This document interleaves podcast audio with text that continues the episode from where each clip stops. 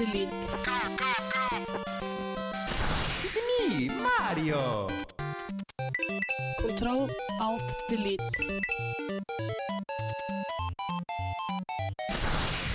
Unable to comply.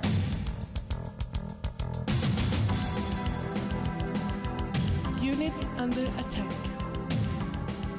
Auto shutdown. Sequence in progress. Ready to serve, my lord. Velkommen skal du være, kjære lytter, til denne skrekkfylte og gysende utgaven av Kontroll alt delete her på Radio Revolt. Ha, ha, ha, ha, ha. I dagens sending skal vi ta for oss det skumle, det mørke og det fryktinngytende innenfor spillenes verden. Sett deg ned, slapp av og kjenn mørket senke seg rundt deg. Mario!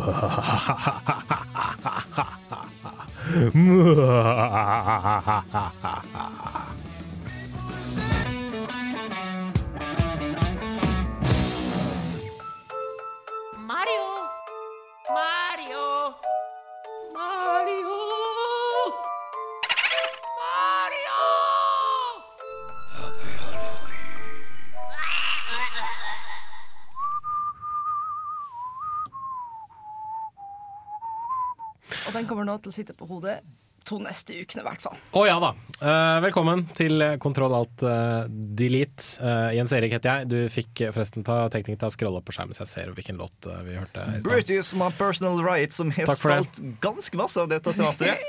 Ja, Det sier hvor mye jeg legger merke til låtene vi spiller. Eh, jeg heter Jens Erik. Uh, stemmen du hørte aller først der, var jo selvfølgelig Hanna. Det er meg. Og så hørte du Bård. Det er meg. Eh, den du ikke har hørt ennå, det er Sondre. Mikrofonen min er på. Ok, greit. Ja, den er på. Selvfølgelig er mikrofonen på! Hva tror du? Ja. Um, vi er Kontroll Elite, vi snakker om spill. Og eh, Sondre, hva har du spilt uh, i slash uh, gjort uh, i det siste? Um, jeg vurderte å kjøpe Assassin's Creed Black Flag, for det skal jeg anmelde neste uke. Mm. Men det skal jeg heller ta i morgen, og legge meg ned med det i helga. Um, så jeg har spilt Splinter Cell igjen. Ja. Og um, vi Fortsatt like vanskelig som før? Det jeg har funnet ut, det er ikke det at det er kjempevanskelig, bare det at jeg krever av meg sjøl når jeg spiller at det skal gjøre det perfekt, og derfor er det kjempevanskelig. Ok, Så det har ikke noe med vanskelighetsgraden å gjøre? Det er bare det du, altså de kravene du stiller til deg selv? Ja, du kan, hvis du vil, ta og løpe med geværet og skyte alle sammen, og få så Det er kjempelett. Men du har helst lyst til at ingen ser deg, ingen blir oppdaga, og at alt sammen er perfekt. Men det kan du ikke bli, fordi med en gang noen snur ryggen til deg, så får du noen fine barn, og så tenker du oi, fuck. Hvordan er det med forventningene til Black Flag, da? Jeg, jeg håper det beste, men jeg forbereder meg på det verste. Skjønner. Vi- går videre. Hanna, hva har du gjort? Pokémon! OK. Ja. Mye Pokémon. Ja. Um, Du er ikke lei ennå, altså? Hvor mange timer er du inne i nå? ja, men det er ikke så mye nå. Jeg har spilt kanskje syv timer eller noe siden forrige uke. da Ok, ja, men Det er jo ca. en time om dagen. Ja, På en uke? Eh, ja, mer eller mindre. Mm. Mm, jeg koser meg med det. Og så har jeg spilt League of Legends. Og så gikk jeg nesten opp en divisjon. Oi. Og så hadde jeg fem runder på rad hvor noen bare gikk sin vei, gikk AFK. Så, Så jeg tapte fem runder. Gikk ned en hel divisjon isteden. Uh, og måtte ha liksom én siste match for å ikke gå ned hele rekka, da, kan du si. Og da tenker jeg at OK, ta meg sammen nå, så kan jeg potensielt bare carry hele laget mitt gjennom hvis jeg spiller godt nok. Men- og så kommer det da en drittsekk og sier at Hello, I borrowed my brother's account. I hope it's okay. It's gonna be fun. Ah. Og så gikk alt til helvete. Flykrasj. Uh, ja, Så nå har jeg slutta å spille League of Legends i uke. Fordi jeg merker at bare aggresjonsnivået blir for høyt. da Det Men, i det men var det samme person som var borte altså fem ganger på rad? Nei, tilfeldig. Så det var fem tilfeldige personer som var Ja. borte etter hverandre? Nå har jeg telt da siste det må gjøres noe med. Det blir gjort noe med neste sesong. Nå er det bare tre uker igjen av sesongen. eller sånt. Håpløst. Men uh, av 30, nei 40 kamper telte jeg. 40 kamper, så var 19 AFK. 19 av dem. 19 av Håpløst, helt- håpløst, håpløst. håpløst. Og det å, så nå skal, jeg, nå skal jeg ikke spille på en uke. Se hvor lenge jeg holder det. Bård Asta, er det Pokémon på deg òg? Nei, jeg har spilt et annet spill hvor du blir sint på dine medspillere, og det er Munchkin. Jeg har spilt sjukt masse Munchkin i det siste. And it's so fun! Det er kjempegøy! Ja!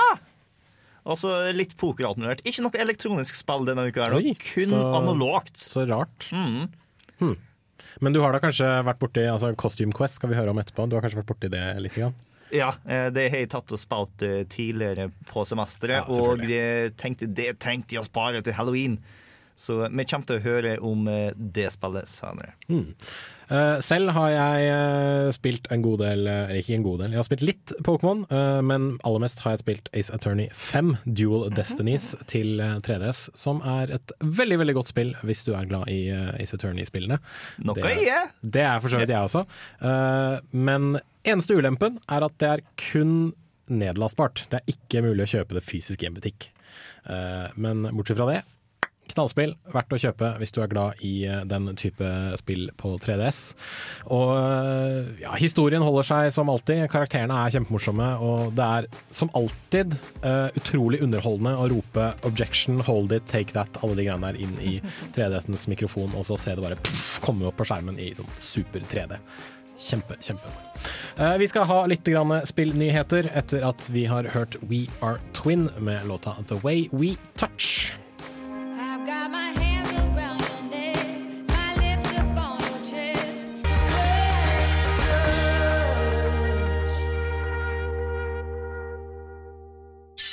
Denne uken i Spillnytt.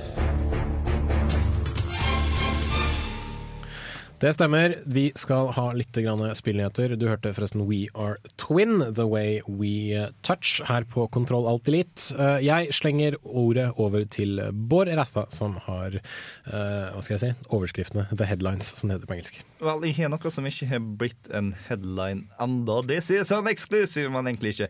Eh, greia er at Sony kom ut med hva de faktisk har lyst å ta for PlayStation 4 til alle butikkene der ute.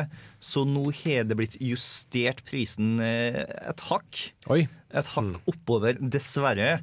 er det snakk om et stort hakk, eller et, kan det hvor mye et hakk Eh, Før i tida så eh, trodde vi at eh, PlayStation 4 kom til å ligge på 3500. Mm. Nå er det litt nærmere 4000.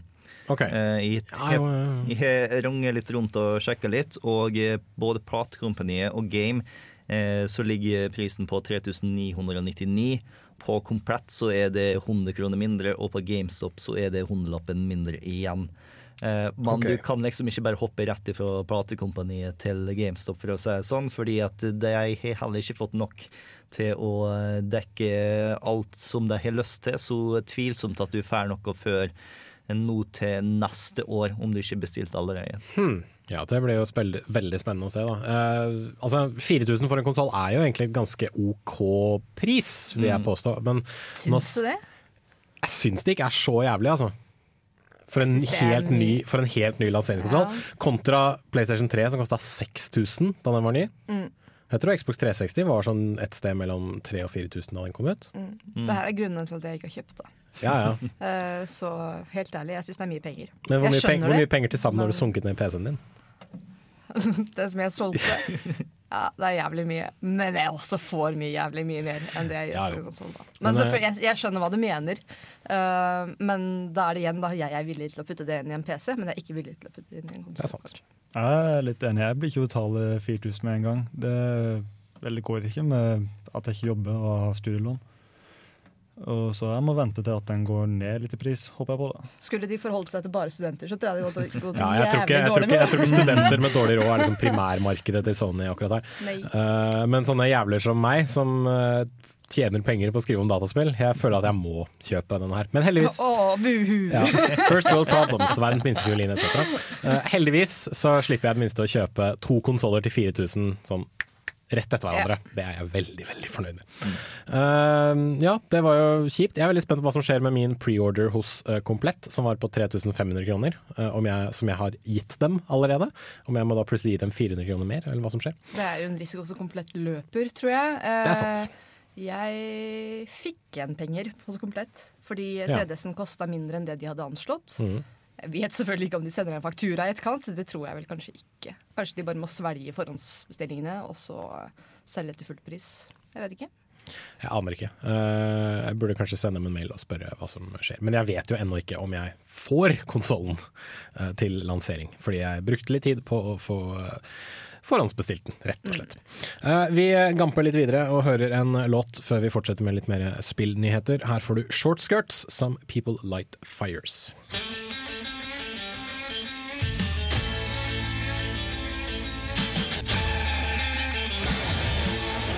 Hei, det her er Josten Pedersen på Radio Revolt. Radio Revolt, 12 points. Og programmet du hører på er selvfølgelig Kontroll Alt eh, Delete. Eh, Låta du hørte var eh, Delete? Låta du hørte het Some People Light Fires. Bandet var selvfølgelig Short Skirts. Eh, Bård, du har litt mer spillnyheter. Yes, Vi holder oss fremdeles innenfor Norges grenser, fordi at det kommer nå et skrøkkspill fra Norge som er satt i Norge.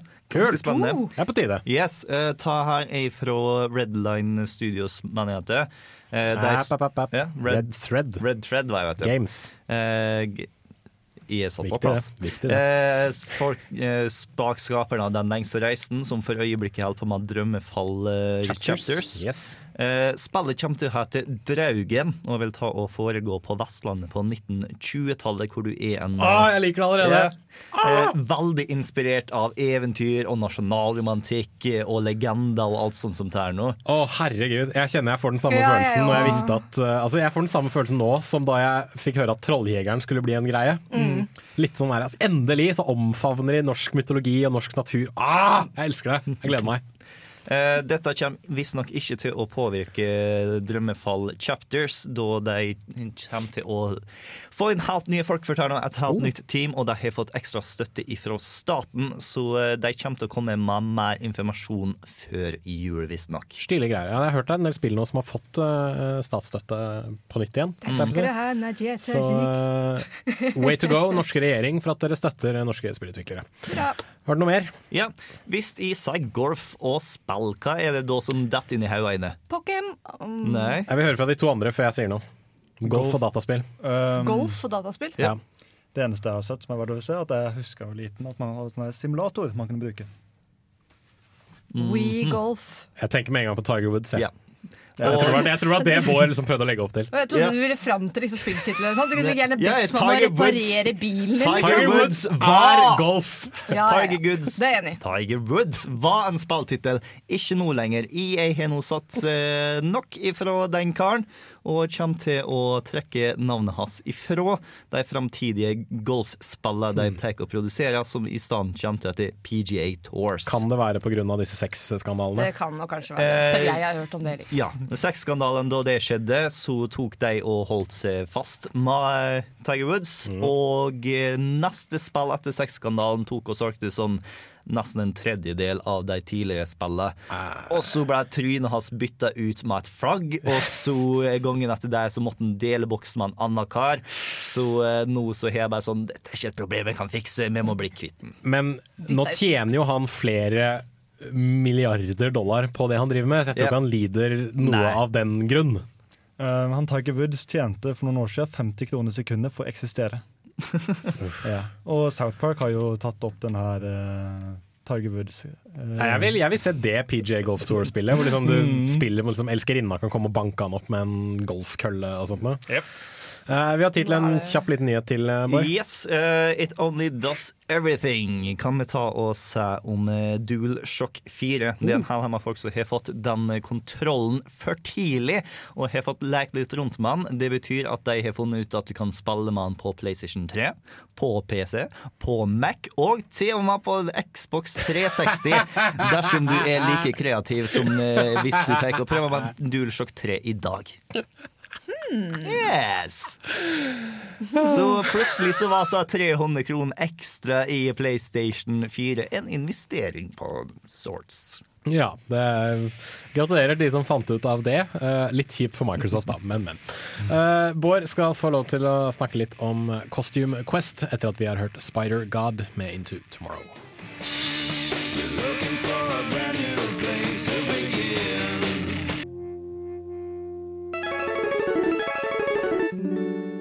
Halloween er skrekkspillets høytid. Masalma av Slender, allsang av Amnesia og eh, opera av Outlast, I, guess. Men for de yngre og eller lettskremte er det fremdeles mulig å komme i allehelgensstemning uten å senke belysninga og heve pulsen. Takket være våre gode venner fra Double Fine. Double Fine. I stedet for å holde seg til monsterbefengte herregårder eller konservativt belyste skoger, begynner Qasim Qasistan i et koselig nabolag fylt med småbarnsfamilie, hvor et tvillingpar blir sendt ut for å drive med knaskere knep på halloween. Dessverre viser det seg at en bande med troll ransaker diverse hus i nabolaget for å stjele godteri, inkludert det første huset ungene banka på.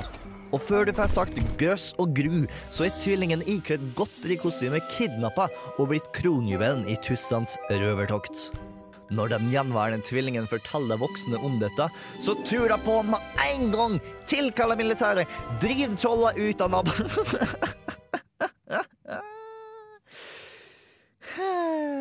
Nei, jeg, jeg bare tøyser meg. Skulle tatt seg ut. Ingen tror på smårollingen, og nå er det din jobb å redde din dårligere halvdel. Costume Quest er et rollespill hvor du bruker halvparten av tida til å utforske nabolaget, kjøpesenteret og andre områder for å finne mest mulig snop, klistremerker og kostymedeler. Men idet du banker på feil dør, eller vandrer inn i et trolls synsvinkel, havner du i kamp, hvor kostymene viser sin sanne styrke. Du et robotkostyme satt sammen av pappesker? Vel, nå er du en 20 meter høy robot av titanium med varmesøkende missiler. Har du kattører av ståltråd og bomull med påtegna værår? Vel, nå er du en 20 meter høy majestetisk katt med et mektig jungelbrøl. Låner du et kostyme fra pomfritskiosken. Vel, nå er du en 20 meter høy pommes frites-edderkopp som kan salte fienden. Ikke spør, bare gå med på det. Spillet er både morsomt og veldig sjarmerende, som forventa for et Double Fine-spill. Det tar barndommens uskyld og spiller på den til full effekt. Dessverre for deg som har spilt en del rollespill opp gjennom åra, kan spillet oppleves som ganske så simplistisk. Etter hvert som du får følgesvenner og en utvida garderobe med utkledninger, så er det ikke så masse køkt som skal til før du ser en strategi som er ferdig gjennom alt. Det skal godt gjøres å tape i dette spillet, spesielt om du plukker opp hver eneste godteribit for å kjøpe det klistremerka som gjør det ekstra fordeler i kamp. Spesielt, spesielt om du får fnatt av å ikke plukke opp hver eneste en. Om du er av den typen. For den erfarne 24 år gamle Bård gir Costume Quest ingen utfordring. Men heldigvis så er det bare tre timer langt, og klarer derfor ikke bli kjedelig før det er over. Men dersom 11 år gamle Bård har spilt dette spillet, hadde han elska det sjukt høyt, og sannsynligvis spilt gjennom det 18 ganger. Om du har lyst på noe som er like søtt som det godteriet du er for lat til å kle deg ut for, så anbefaler jeg det Costume Quest. Bare ikke forvente noe mer utfordring eller varighet enn det en pakke med karameller kan gi det. Men som med mauling av et par hekto småsnop, så er det òg greit. En gang iblant. Du hører på Radio Revolt, studentradioen i Trondheim. Og det gjør du rett eh, i. Programmet du hører er selvfølgelig Kontroll alt eh, delete. Eh, låta du hørte var Death Crush med Lesson Number Four. Eh, og før det så snakket Bård litt om Costume Quest, som for øvrig er på salg på Steam nå, fordi det er jo denne eh, halloween-høytiden, i i morgen, altså på torsdag den 31. Mm. Sånn stort sett alt som du kan finne skummelt av spill på Steam, er på salg akkurat nå til ganske gode priser. Og det vil vare ut 1. november. Yes. Eh, Det er til og med en del ting som ikke er skummelt, men som har litt sånn skrekkting knyttet til seg. For eksempel Sleeping Dogs, som har en sånn uh, horror-zombie et eller annet. uh, DLC-greie. Uh, du skal ikke se bort fra at kanskje Undead Nightmare er der også, til Red Dead Redemption. Og det skal du veldig se bort ifra med tanke på at Red Dead Redemption ikke finnes på Steam eller noe Nei, annet PC. faen, det er sant! Det finnes fins ikke på PC. dun, dun. Kjipt for dere. Men uh, Amnesia og alle de der tingene du hyler uh, veldig høylytt av, er jo selvfølgelig å finne. Yes. Men uh, jeg har ennå ikke spilt Costume Quest. Kanskje denne helgen blir uh, helgen, når jeg til slutt ender opp med å gjøre det. Hvem vet. Det er jo en Eh, veldig passende helg. Fordi at det ja, det er jo det. det er. Det er jo det, men på lørdag så er det den store kinodagen. Uh, fredag kveld er det halloweenfest. Uh, lørdag kveld er det samfunnsmøte om svartmetall. Og ja, søndag kan det jo kanskje gå, da, for så vidt. Så uh, jeg satser på søndagen. Kan jeg bare, jeg, jeg vil bare skyte inn eh, for de som er eh, keen på iPhone-spill? Eh, både Walking Dead ligger nå på Som har kommet ut for, uh, i forhold til halloween. Og eh, på tilbud, altså. Og Plant vs. Zombies 2 og Plague Inc. Tror jeg er de spillene som har blitt satt ned til halloween på iPhone. Så kult. Så hvis du er interessert i noe av det, så er det bare å kjøre på. Vi skal snakke litt om skumle ting i eh, ikke-horrorspill. Eh, I spalten Ukas eh, spørsmål, etter at vi har hørt Elvis Costello og The Roots med låta 'Refuse To Be Saved'.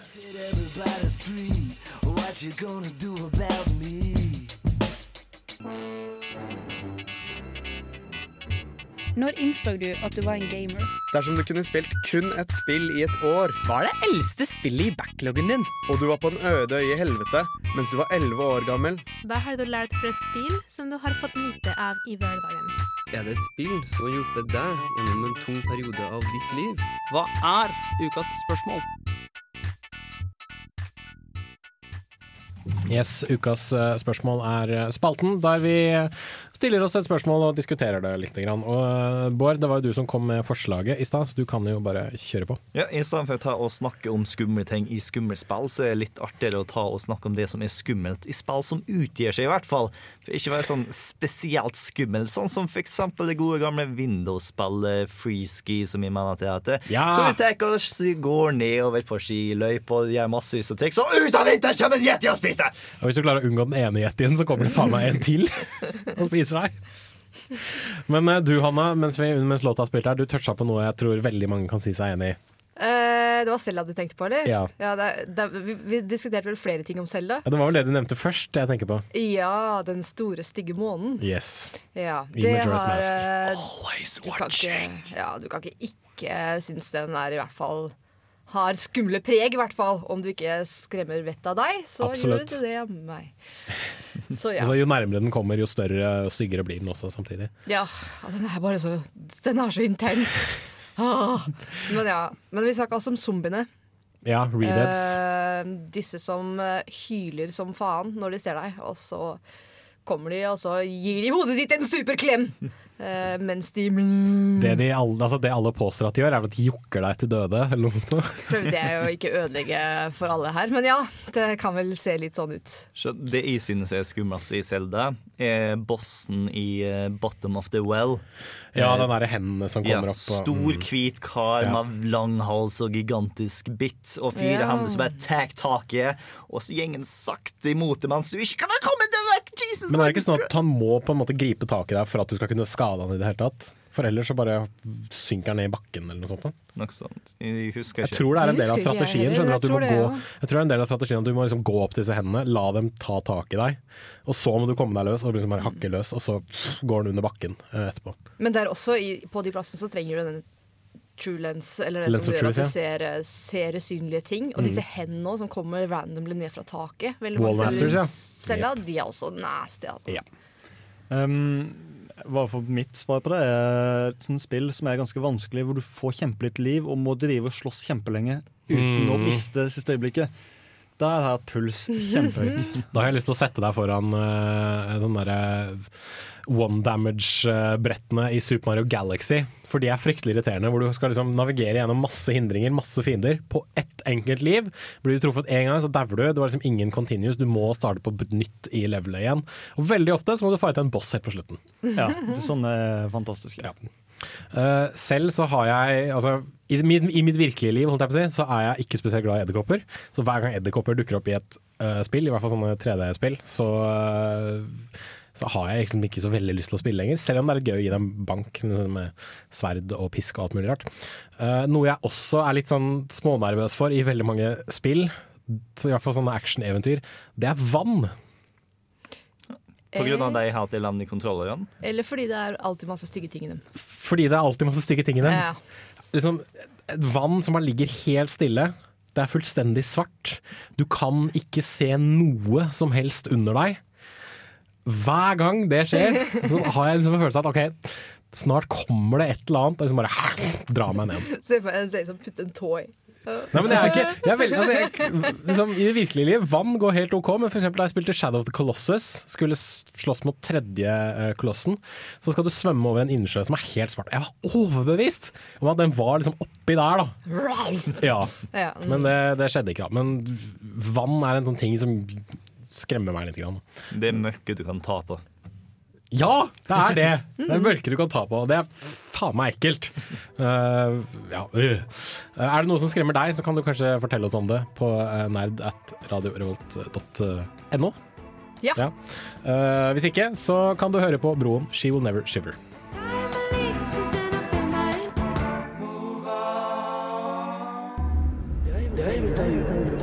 Definition of, of insanity, is? Insanity is doing the exact same fucking thing over and over again. Doing the exact, doing the exact, doing the exact, doing the exact.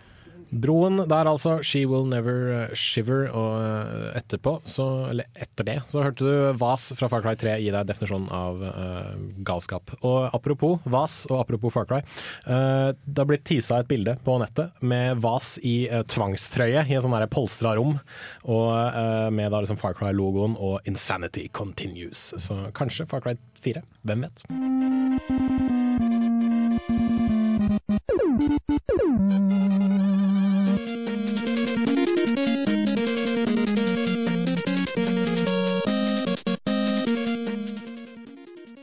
Og der var uh, Kontroll Alt Deletes fantastiske tematime i gang. Uh, og for de som ikke helt skjønner hva dette her eh, handler om, som kanskje er ny til Kontroll Delete-podkasten, så er dette den delen der vi eh, ja, setter oss ned, prater skit, spiller litt uh, spillmusikk. Og generelt eh, bare kuler'n og slapper av om eh, et eller annet som er verdt å ja, hva skal jeg si, ta opp eh, basert på enten spill som kommer ut, eller hvilken dag det er, eller eh, masse annen skit som vi føler for å snakke om. Jeg er glad standarden foreløpig holdt seg over hvilken dag det er. Uh, helt ærlig. Ja, men ikke sant, det, det har jo altså det det har, Vi velger nå det i dag, sånn halvveis av dagen det er i dag, Ja. mer eller mindre i morgen. ja, sånn, ja. Og det har jo, det har jo vært sånn tidligere også. Hvis, altså, I halloween-uka pleier vi som regel å snakke om horrorspill. Ja, jeg mente mer sånn bruke halve sendinga på å snakke om det er onsdag. Blir litt sånn kjedelig podkast. Sånn Ikke sånn at det er fordi det er onsdag, nei. Det er, Okay, datoen, da, burde man kanskje si. Ja. Framfor eh, Den tiden av året. Kanskje rundt uh, den tredje torsdagen i november så kan vi snakke om uh, Thanksgiving-spill. Sure, both of them.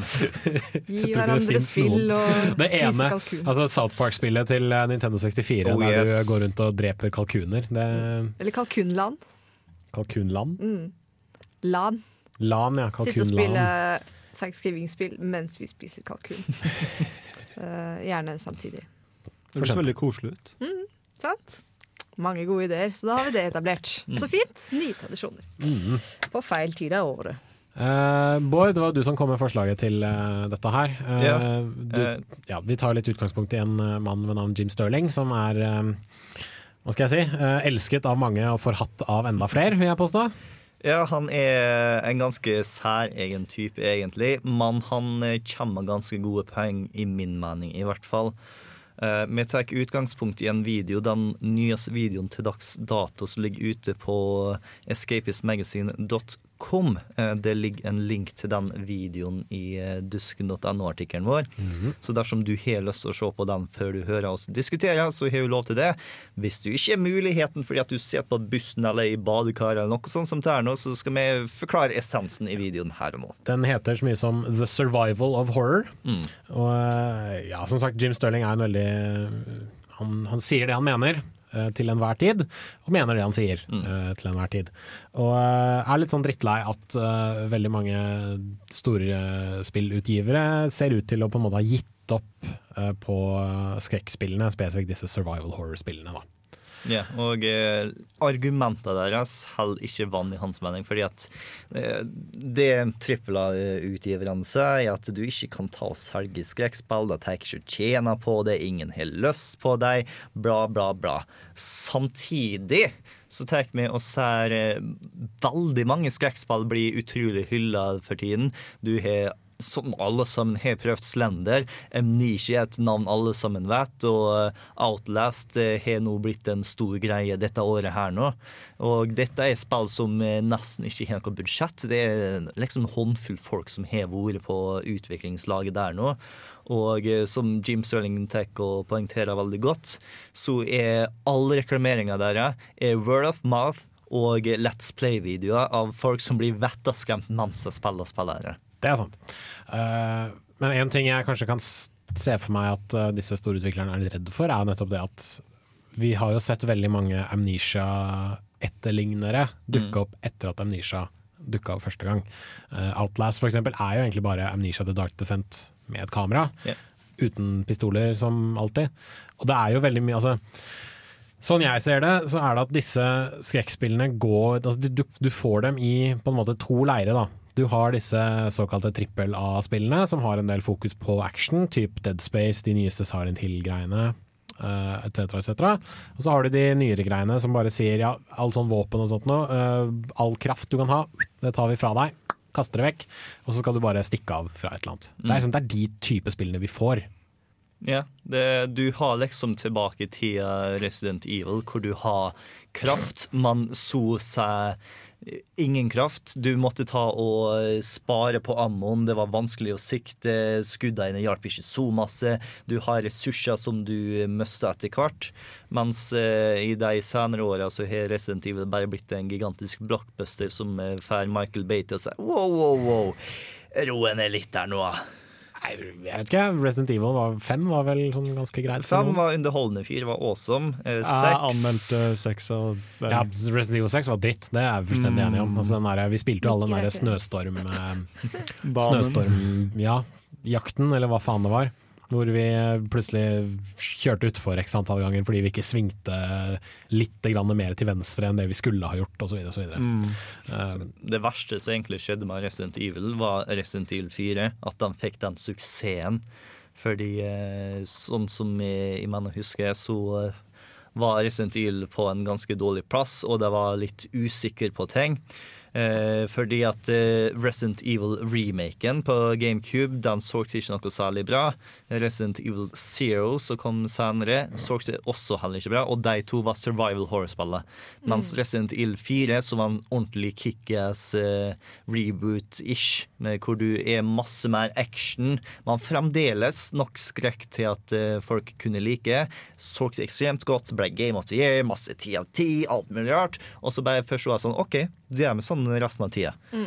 Og så eh, har de ikke forstått den fantastiske balansen som Resident Evil 4 har, og har bare blitt mer og mer action og forventa mer og mer salg.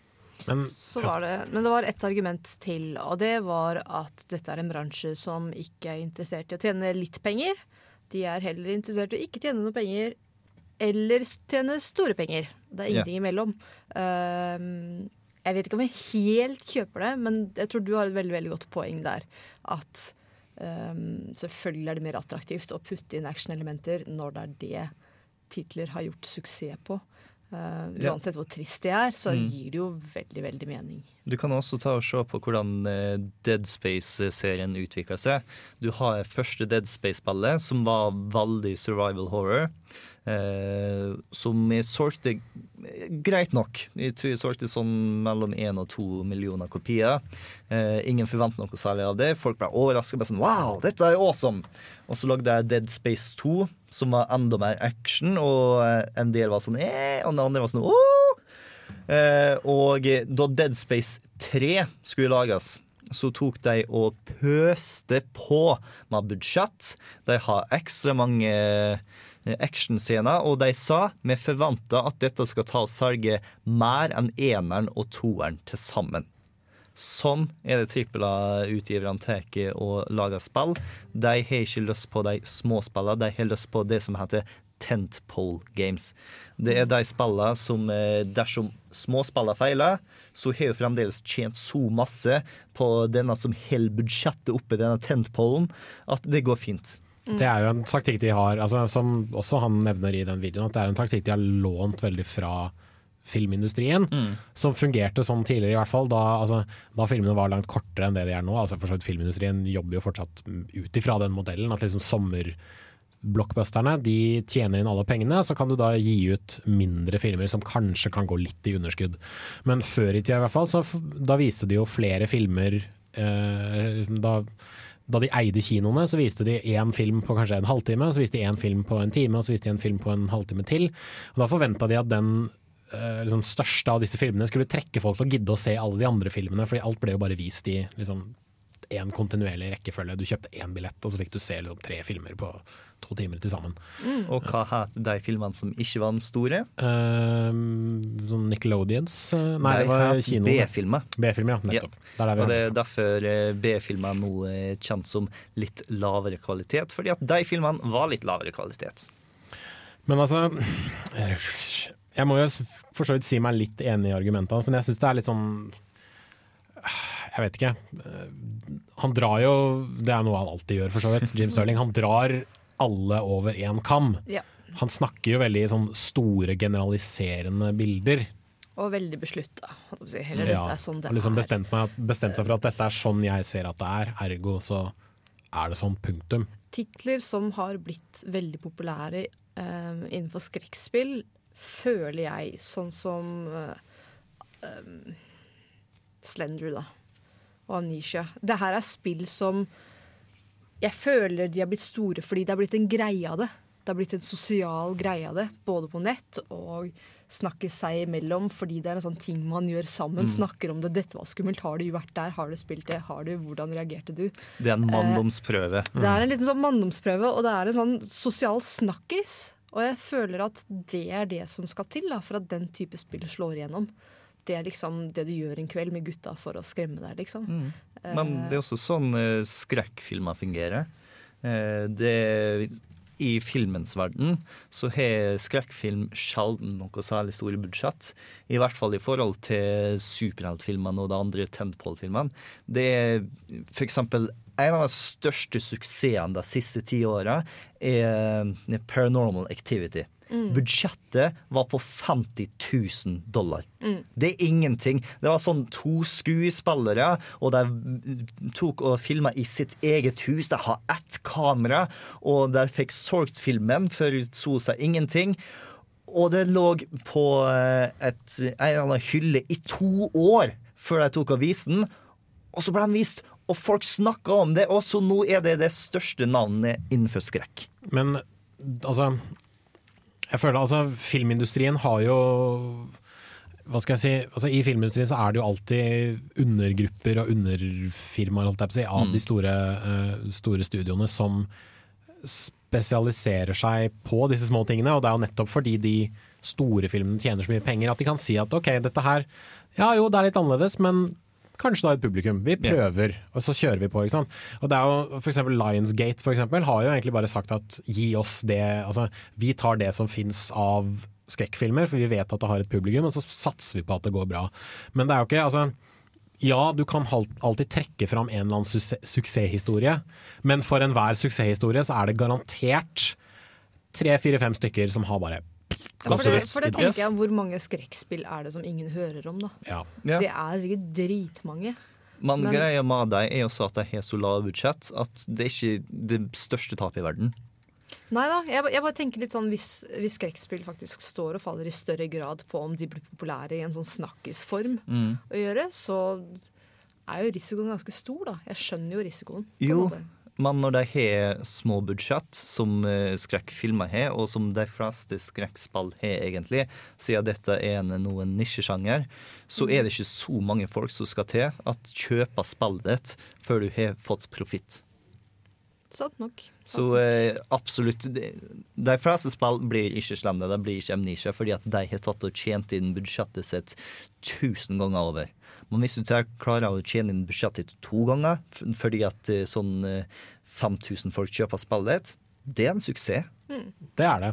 men så er jo da spørsmålet hvor Altså, hvor mange su liksom, ikke-suksesshistorier finnes fins det per suksesshistorie?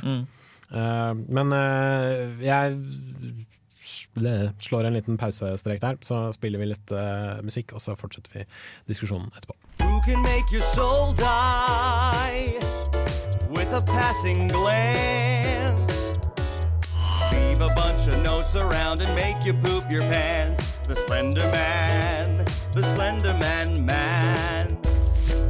Oh, the Slender Man can, cause he hunts you in the dark and makes your nightmares real. Yeah, who's around the corner? Wearing stretchy clothes. Hiding in a bathroom with no showers or commode. The Slender Man, the tentacly Slender Man. Oh, baby. Oh, the Slender Man breaks every child he takes, drags them off to purgatory. After that, it gets quite gory. How's that for your bedtime story?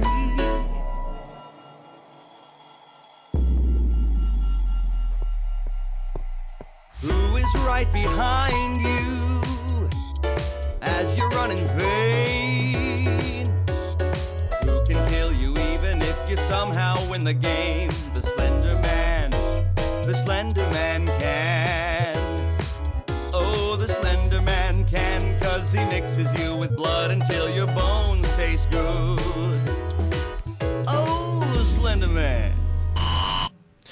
Brental Floss der altså, Slenderman. Uh, anbefaler eh, å sjekke ut Brental Floss hvis du ikke har uh, hørt noe på han før. For han er veldig flink til å ta ja, melodier fra mm, spill og lage god, kul hva heter det, tekst til dem. Jeg kommer i julestemning, jeg nå. Ja, altså, det var litt sånn der Jingle Bell-følelse. tar nå en parodi på Candyman. Candyman. Ja, Mm. der har du det. Ja, det er kjent fra blant annet uh, Willy er. Wonka and The Chocolate Factory fra sånn 80-tallet en eller annen gang. Mm. Eh, strides veldig blant de nerde om hvilken av eh, den eller Tim Burton-versjonen som Det sies egentlig ikke så masse. Det, det aller fleste er ganske negativt til Tim Burton sin versjon, egentlig. Nei, jeg vil ikke si det, altså. Jeg vil jo påstå at de har klart å få ting til å se litt sånn Ja, ja, det ser bra ut, men Mm. folk folk Ja, Johnny Depp er det, det er en er vet du. Ja, det er den Willy Wonkan som var i originalen, har tatt og kjøpt sjela til folk. Og har blitt et meme, så når Ja, du er meme, så Har du fått memestatus, så lever du liksom evig. Mm. Men uh, disse skrekkspillene de, eh, Noen mener at de dør, noen mener at de lever i beste velgående. Og et av argumentene til uh, Jim Sterling er jo det at gjennom streaming så får de veldig mye gratis uh, Ja, på Let's Play-videoer. Ja, Let's Play-videoer så får de veldig mye gratis markedsføring. Eh, Han godeste Skal vi se, nå skal jeg inn på YouTube her, og så skal jeg søke opp et uh, navn som noen kjenner til. Han uh, svenske fyren som jeg ikke er spesielt glad i, som jeg vet Hanna PewDiePie. liker. PewDiePie. Ja. ja, takk. Uh, som har uh, 14 millioner subscribers. Aha. Nesten 15 millioner subscribers. Han spiller jo veldig Altså, veldig mye av det han spiller, er jo skrekkspill. Og veldig mye av det han gjør, er å bare skrike veldig høylytt og være skremt av det han ser. Uh, og så er, det- jeg- jeg og så er det noen mods inni der også, da. Jeg tror det er to elementer jeg har tenkt på der, som gjør at jeg liker den, eh, den eh, ja, Kanalen. kanalen på, på YouTube. Og det, for det første, jeg er ikke glad i skrekkspill. Punktum. Jeg er en pingle. Jeg hater å spille skrekkspill. Mm. Uh, og kan finne tusen andre kule ting å gjøre på en helg istedenfor å sitte med en pute over hodet hele uka etter. Um, det sammen med at jeg er vanvittig skadefro. Jeg er den som ser folk tryne og spør om det gikk bra etter at jeg har ledd en god latter. Mm. Eh, og jeg frydes av at han reagerer på skrekkspill omtrent på samme måte som jeg gjør, eh, og gjør et show ut av det. Han sitter og skriker til han gråter, og så tabber han ut, og så ser han på søte puppies til han på en måte har fått ballen Fått ut av kroppen igjen. igjen. Ja. Ja. Det, det kan jeg si meg enig i. Det er en, det er en stor del av det å altså, Det er moro å se andre lide. Det, det, er, liksom, det er jo etablert. Eh, De morsomste radiosakene er de hvor en person med dårlig kondis må prøve å løpe et halvmaraton, f.eks. Kjempegøy å høre en person liksom puste og pese og spy og lide som bare pokker. Fordi Altså, det, er, det er jo ikke alle som vil være liksom, piloten i pilotsetet. Da, da får man kanskje liksom, disse skrekkspillene i liksom, trygge rammer. Jeg, eh, som jeg nevnte i vår radioteam, radiotime, jeg liker f.eks. ikke edderkopper. Jeg eh, liker ikke å svømme i vann når jeg er i dataspill. Jeg eh, er ikke spesielt glad i å bli skremt. Det tror jeg ikke så veldig mange er heller, så jeg holder meg litt unna skrekkspill. Jeg har ikke, aldri skjønt den der sånn Faen, du, du må spille det med, med, med headset på, så må du ha lyden på skikkelig høyt, og så må du skru av lyset, sånn at du er liksom helt isolert. Sånn at du blir sånn kjempeskremt. Hvorfor spiller du spill sånn? Fordi at det er intenst. Fordi at men pusten det er helt- går opp. det er helt jævlig. Jeg tror faktisk det er vi som er unntaket, Jens Erik, for å være helt ærlig. Jeg tror det er ganske mange som eh, har sansen for det. Tydeligvis. Men altså Fordi jeg kan, jeg kan skjønne det at uh, hvis du ikke liker skrekkspill, så får du det i trygge rammer. Du Mm. ser en annen person spille og da kan du, du, kan liksom, du kan trykke på pause, du kan gå vekk, du kan skru ned lyden. Du kan liksom gjøre alle ting for å for liksom minske skrekkfølelsen, som du kanskje ikke kan gjøre når du sitter og spiller ellers. Um, jeg brukte fem dager på å se Twilight, gjelder det? Twilight-filmene? Ja. Nei, for de er ikke skumle. De var ganske jævlige. Ja, men de er ikke skumle. Nei, men det, jeg tror kanskje samme følelse som dere får når dere spiller skrekkfilm. Ja, jo, det kan, det kan godt være. Nei, Det det, får jeg hadde vært det samme hvis du så på en film av noen som så Twilight og led forferdelig. Da hadde det vært gøy. Hvis jeg hadde sett en video av deg. De lider jo litt i Twilight, om det må nevnes. Ja, ja, ja, men det er det jeg mener. Hvis, hvis det på en måte hadde vært en kar som satt der og virkelig gråt fordi han ikke takla noe mer, så hadde det vært uformelig morsomt å se på. Men, men jeg tror det her faktisk Du kan bli en YouTube-sensasjon, Sondre. Yes! Uh, men jeg tror det her faktisk er litt sånn nøkkelen, tror jeg. Fordi hva er vits med å spille skrekkspill hvis ikke du har noen å snakke om det med etterpå? Ja. Enten skrive det på nett, snakke med en kompis. Eh, mobbe enten, eh, enten gråte selv for at det var skummelt, eller hvis han syns det var mer skummelt enn deg, så mobber du fyren fordi Mm. han syns det var skumlere enn deg. Altså Det er en sånn mekanikk der, tror jeg, som er viktig for skrekkspill. Jeg, jeg syns det er utrolig digg når du spiller skrekkspill, og bare få det til. Du, du, du kan bli redd, og du, du kjenner liksom pulsen oppi, eh, oppi at adamseplet går til helvete. Og, og du sitter der du holder pusten sjøl om du vet at han ikke kan høre deg gjennom skjermen og sånn. Og det syns jeg er stilig. Ja, det er fordi at du er overlevelseinstinktet Det tar vekkes til live, og når du unnslipper, så er overlevelseinstinktet bare sånn Good boy, you survived, have some sex! Ja.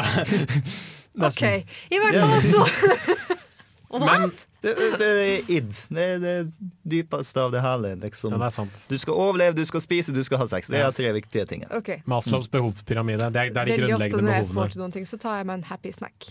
Heller, kanskje. Hva er, det du hva er din altså. go to happy snack? Min go to happy snack? Ja. Eh, det må være godt og blanda, tror jeg. Ja vel. Og apropos happy snack, nå driver jeg og roter rundt i uh, min egen uh, jakke. Fordi jeg uh, Yes, apropos happy snack.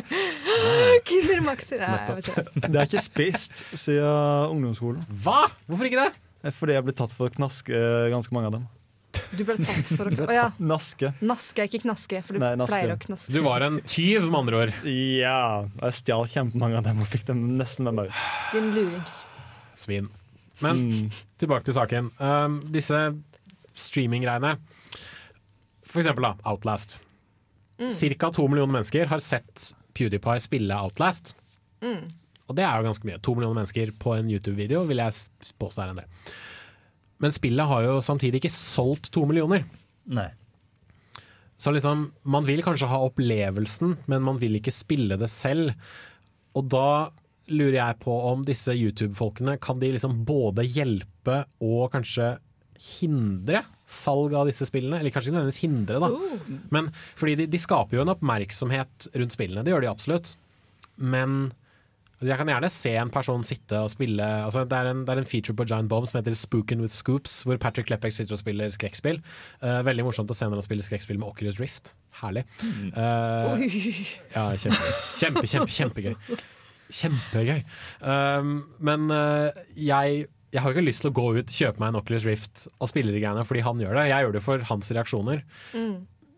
Så liksom Jeg tror det blir to De forskjellige mediumer. Kanskje, men det har jo ikke solgt meg. Ja, men, men jeg tenker at det det- har, jo, det har jo på en måte allerede solgt publikummet som har interesse for det. Jeg tror veldig Nei. mange som ser streamen, også spiller spillene. Altså.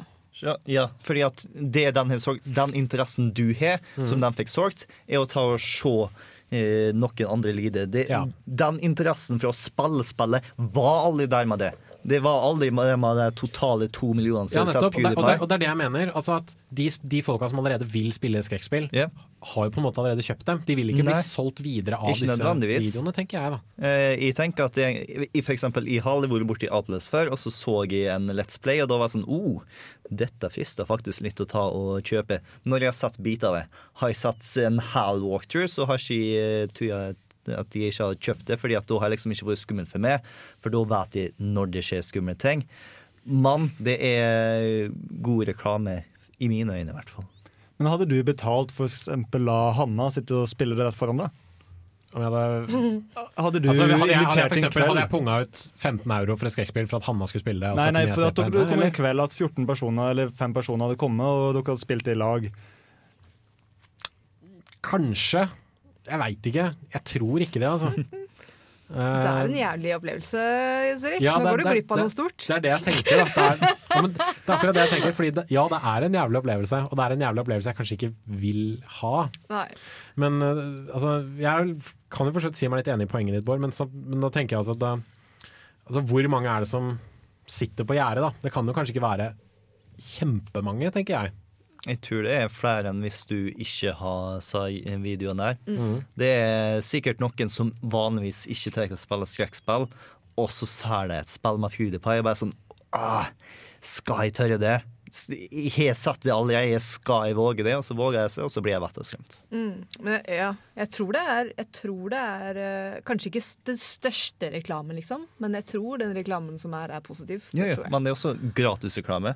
Ja, det er det. Det Dead Space eh, sin reklame koster mange mange millioner fordi at det er på busser og plakater over hele verden. Mm. Mens Amnesia har ikke betalt en eneste krone for reklame, og har tatt eh, og solgt veldig masse pga. YouTube-videoer. Så er det det her med, som jeg snakka om med folkemunne. eh, At ting er på folks tunger, gjør Mm. også at salget øker selvfølgelig eksponentielt. Og selv om jeg ikke har spilt spillet, men jeg har turt å se videoen, og jeg snakker med andre om Amnesia, så bidrar selvfølgelig det til at Mm. oh, det, flere var jo, snakker om det var jo det som skjedde med Minecraft. Altså, Mm. hvis, Mm. hvis Penny Arcade ikke hadde Altså Penny Arcade hadde to uh, stripeserier om Minecraft og to sånne der, eh, blogg-write-ups av han uh, Tycho. Ja, det er han med Han med det blondt hår. Han, nei, han med det blå, ja. Og Ja, brunt hår. han- Ja. ja. Anyway. Han eh, blå. han har blå skjorte. Eller blå genser. Alltid. Han er Ja, I, i, i det- tegneserien. ja, mm, ja. Altså, I, virke, I det virkelige Ja. livet så er han en dritbleik, feit fyr som er skalla, liksom. Ja. Så, så nei, han ser ikke sånn ut til daglig. Uh, uh, og liksom, de tror jeg liksom brakte Minecraft litt sånn fram i lyset. Altså Det var ikke Mm. på grunn av dem jeg kjøpte Minecraft, men jeg er litt enig at det, det var jo fordi en kompis av meg sa hei, Minecraft, det kan være en ting. Prøv det, og se om det er Mm. noe. Og så satt jeg og spilte Minecraft og bare oh my god, dette er som å lage heroin. Um, Hvordan men vet Hm? Nei, bare, bare glem det. Eh, så liksom er, er løsningen i anførselstegn da at disse storutgiverne investerer kanskje min... Altså, ellers bør de bare investere i de små studioene og si her, vær så god, og så bare håpe på at ting ordner seg? Ja. For jeg føler at det, altså, De det er litt sånn det er en litt sånn skummel forretningsmodell, tenker jeg. Det, de burde i hvert fall ikke ta og putte så masse penger i det. Fordi at eh, skrekkfilm og skrekkspill er nisje. Det kommer alltid til å være nisje, fordi at mesteparten av folket er som du og Hanne. De har ikke lyst til å bli redd. Feil, Og er ikke i seks timer i strekk, i hvert fall. Uh, mens i og Sondre er den lille nisjen som kan ta og våge oss å ta og kjøpe det. Og for at de skal ta og tjene penger på oss, så kan du ikke ha enormt budsjett. Du kan ikke ta og putte massevis av penger i reklame. Og hvis du bare har eh, nedlastbart innhold i i butikk, dersom du ikke tar fullpris for det, dersom du eh, har små firma, så eh, kan du ta og tjene mer enn dersom du tar og kaster bort massevis av millioner på et spill som ingen har lyst på. Men uh, vi har også sett flere Jeg kan ikke huske et eksempel, men det er noe du har sagt før. Hvor det blir kasta masse penger på noe, og det blir skitdårlig. Veldig ofte i s- skrekkspill er, er mindre mer. Yeah. Det er det at du lar fantasien og eh, sansene dine og det som ikke gir mening, det blir fylt inn av din forståelse av verden. Mm. Kan jeg, kan jeg bare Jeg skjønner at det er lett å si det fordi det har vært sånn, at skrekkspill ikke har hatt mye penger. Men hvorfor skal det være liksom Jeg syns det blir helt feil, jeg. Å si at det ikke går an å lage skrekkspill på et stort budsjett. Det, det går nok an, men det er bare at Tenk ofte så, det, det, blir jo, det er jo bare ideen som må være bra. Du kan ikke lage et spill fordi du har lite penger. Du må jo ha en god idé, men spytter du mye penger inn i den ideen, så vil det jo bli bra. Jo, jo, men eh, poenget mitt er at det er en nisje som blir metta. Du kan ta og putte fem millioner i spillet, eller 500 millioner inn i spillet, og det er fremdeles kun to millioner folk som vil kjøpe spillet. Du har kasta bort da eh, 495 millioner Men da snakker vi om noe helt annet. Da snakker man ikke om spillet er bra. Da snakker man om at det ikke er nødvendig å putte så mye Eller lønnsomt å putte så mye penger inn. Men det blir helt feil å si at spillet ikke ville blitt bra hvis det var mye penger. Vel, måten de tar å gjøre det til dags dato, er at de tar å kaste massevis av penger på det. Fordi at de kaster massevis av penger på det, så har jeg nødt til å ha en stor eh, målgruppe. Og for Mm. å få en så stor målgruppe, i stedet for å ta og selge det hot tacosaus, så salget er svak tacosaus. Det er masse skyting, det er ikke så skummelt, sånn at du og Jens Erik skal ta og tørre å spille tærne. Så dere vil egentlig ikke kjøpe spillet fordi at det er skummelt. Dere liker ikke skumle spill. Og jeg Sondre har ikke lyst til å kjøpe spillet fordi at det er ikke så skummelt som jeg har lyst til at det skal være. De har mista oss begge to. Men jeg tror likevel at det er en balang... Altså, det, det, Plutselig så ble jeg jo litt Jimmy Sterling. veldig, sur her. Da. Eh, Men jeg tror, det, jeg tror virkelig det er en balansegang som er mulig å treffe. Mm. Altså eh, Ja, jeg syntes Resident Evil 4 var skummelt, men jeg spilte videre litt fordi Altså, jeg tror det er det at som vi nevner, da, de, de liksom storskrekkspillene, survival horror i anførselstegn, da, f.eks. for eksempel Dead Space 3, jeg tror de har for mye fokus på denne power fantasy-greia. Ja. Du skal liksom, du skal være hans super... Altså, som du nevner, da, du, det skal være så eh, Generisk er feil av ord å bruke, men du skal ha mulighet til å føre deg mektig, til tross Mm. for at du er liksom omringet av overveldende krefter. På den andre siden så Mm. har du de som sier at her er det bare overveldende krefter som du ikke kan kjempe mot, punktum. Det må liksom være en eller annen form for mellomgrunn der, da, Ja, på, tenker de, jeg. de tidligere Resident Evil-spillene, f.eks. Ja.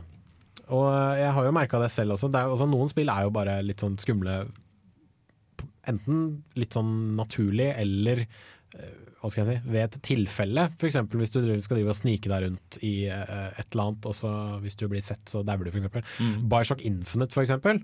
Det var jo ikke et skummelt spill, anførselstegn, men de siste liksom, bitene før du øh, øh, klarer å liksom, redde Elizabeth fra uh, Comstock på slutten av spillet. Disse, ja, ikke sant? Disse tingene med sånn her lys på hodet som var spant rundt og sånn. Burde kanskje nevne spoilere i um... Nei, det er Nei, nei, nei. Du møter noen skumle folk Ja, i Bioshock Infinite med lykter på huet. Ja, ikke sant? Så Eh. drar, drar, drar du i en spak, og så snur du deg rundt, så er det en rett foran deg. Så bare, «Ah!» sånn, da skvatt jeg. Da For da. går det en jævlig alarm. Ja. Helvete. Ja. Nei, ja, jeg er helt enig i det. At det kan, kan jeg å, pitche idé? Jeg må pitche en idé til skrekkspill. Hvor kult hadde det ikke vært hvis du Det er litt stress med pulsmål og sånn. Vi har snakket om pulsmål en gang. Hva om din evne til å håndtere situasjoner i spillet avhenger av hvor høy puls du har? Ja, det var jo det mange regna med skulle eller Folk lurte jo på litt om det kom til å skje med denne Uh, pa- pa- pa- pa- pa- Vi pulsmåleren. Ja, uh, Frack nå er jeg selvfølgelig glad skjelver heter. på hendene og eh, sånn, at det kanskje bidrar til We, We Vitality Sensor het den. Som var en sånn dings du skulle stappe på fingeren din, og så målte den liksom Uh, svette, puls, bla, bla, bla. bla, bla, bla. Og så håpet da de på at det, liksom, det kunne påvirke spillet på et eller annet måte. Altså, I likhet med liksom, DD64 og veldig mye annet rart som, uh, som Nintendo har sagt at de skal gjøre noe av, Mm. så gikk dette til helvete. Det var jo noe de bare sa nei, vi jobber med det, kanskje vi har noe, kanskje vi ikke har noe. Og så bare Mm. forsvant det, liksom. Men det kunne absolutt vært noe. Og For det er det, drøyt. Med for høy puls så, så Mm. liksom klarer de ikke å gjennomføre presisjonsting og, og sånn. Eller at det blir mer klønete, da. Mm. Men, eh, Og at de kaster mer monster på det. De vet når de skal kaste Mm. mest effektivt på det. Fordi at Hvis du kaster for masse på det, så oh shit, nå er det mer eller mindre et actionspill. Dette er ikke skummelt lenger. Dette er et problem. Da Mm. fjerner jeg monsteret. Vi lukter frykt. Mm. Ja, det er, jeg, jeg hadde ikke spilt det, da. Men det hadde vært gøy. Vi eh, tar en liten eh, pause til og hører litt eh, fra Miracle of Sound, som lager mye bra musikk i utgangspunkt i populære spill. Her får du The Dead Don't Shuffle. They run.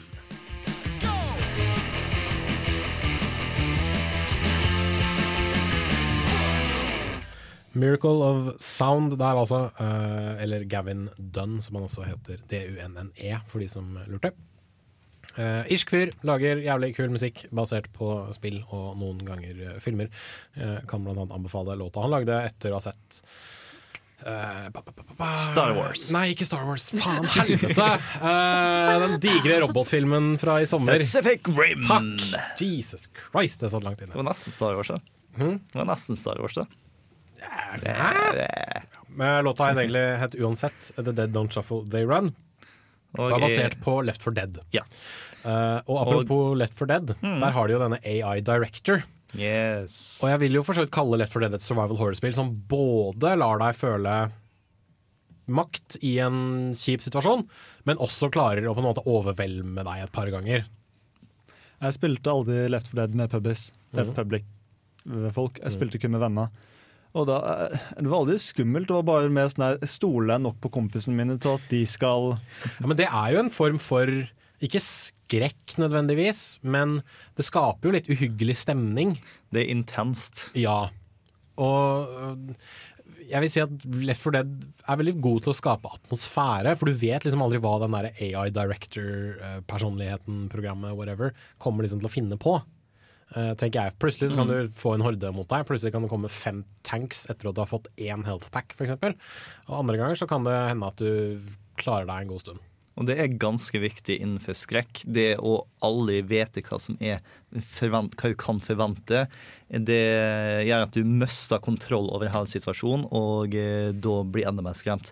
For eksempel hvis jeg har nå satt og satt meg ned og spilt eh, et skrekkspill som var ganske linært, for andre gang, så kunne jeg vite å, når jeg går ned denne korridoren her, så kommer lyset til å gå av, alt sammen kommer til å riste, det er ikke noe å bli redd for, fordi det skjedde ikke noe sist gang. Og så gjør jeg det, ingenting skjer. Det som er veldig kult med Left 4 Dead, er at hver eneste gang du spiller, så er det en ny opplevelse. Det er aldri monster på Vel, monstre er mange forskjellige plasser, ammo mange forskjellige plasser. Selv om du møtte sånn tre tanks eh, i det hjørnet der nå forrige gang, så er det lav sjanse for at du kommer til å gjøre det igjen. Men det kan være til fem tanks bak det neste hjørnet. Men spørsmålet er jo om altså Er det noe som er mulig å innføre i et singleplayerspill? Det, det burde jo egentlig være det, tenker jeg. da Hvorfor ikke? Jeg vet ikke, jeg tror det er det at veldig mange tenker at, at singleplayerspill som ikke er open world, må være en sånn veldig kontrollert, liksom forfatterskapt hva skal jeg si, reise. Ikke nødvendigvis at det er liksom, du går ned en korridor og så skyter du noen folk, sånt, sånn som alle påstår at det skal være. Men at man jeg vet ikke, jeg tror det forventes at hvis det ikke er en, en åpen verden, så kan det ikke skje hva skal jeg si, tilfeldige ting. Um, skal du Eh, Det er mest sannsynlig at du kan ta og gjøre det her i et skrekkspill enn i det andre spillet, fordi at i skrekkspill så handler det om å ta og drepe spilleren. Ja. Selvfølgelig, du skal ikke gå altfor hardt inn på det, fordi at hvis det, spilleren dør hele tida, så er det ikke morsomt lenger. Da er det, eh, det å dø et problem og ikke en frykt. Eh, Så Da er vi inne i sånn I wanna be the guy-territoriet ja. og sånt, og det er jo ikke et skummelt spill, sånn, det er bare irriterende. Så når eh, spilleren kommer tilbake, så skal han fremdeles være redd. Han skal ikke ha den muligheten som i Demon og Dark Souls og alt sånt som det er nå, og vite at hvis du tar, bare hopper til høyre her, så er alt som er fint. Det, det er det ikke. Så AI Directors i skrekkspill er ekstra bra. Speedruns i skrekkspill må være ekstremt utfordrende. Kommer an, jeg tror det kommer an på spillet. ja, men i spill som eksempel Left 4 Dead. Mm. Mm. Det Det kommer vel helt an på om du kan løpe fra ting eller ikke. Ja, Det blir mer den derre 'nå skal jeg fullføre det her så fort som mulig'. Tør jeg å ta en sjanse her? Tør jeg å faktisk gjøre det her hurtig? Eller nei. Det gikk skikkelig dritt. Nei, jeg skulle da nevne um, Splinter Cell Conviction og Splinter Cell-spillene generelt. Eh, De har jo, i hvert fall de tidligere, hadde jo slik at hvis du ble oppdaga, så er du fucked. Og da er det mer at snikinga er i fokus. Men jeg har, jeg, jeg har ikke klart å koble på Jeg kan ikke huske forrige skrekkspill jeg spilte som var, jeg syntes var skikkelig skummelt. Hva er det som må til for å skremme deg, da? Er det at ting hopper fram fra et skap og sier bø, eller er det Jeg vet det er det, men kan ikke se det. Ok. Og det Som andre ord stemning, altså. Stemning. Du må ha en stemning som gjør at jeg ikke har lyst til å dø. Og jeg, må, jeg kan ikke dø, som han Bård sier, jeg kan ikke dø hele tida. Jeg må dø veldig sjeldent, men jeg føler at Du må alltid føle deg i fare. Mm. Ja. Var det Silent Hill som var det foto eh, hvor du skulle rundt Det er bildet? Fatal Frame. Frame, ja. Det, var, eh, det syns jeg var creepy. Mm. Nå lar jeg meg skremme av veldig mye, men det var ekstra creepy. Ja, men jeg, jeg, altså det, jeg så en video på, på Screw Attack uh, før i dag, de hadde, for de har en sånn videoserie som heter The Best Ever, eller The Worst Ever.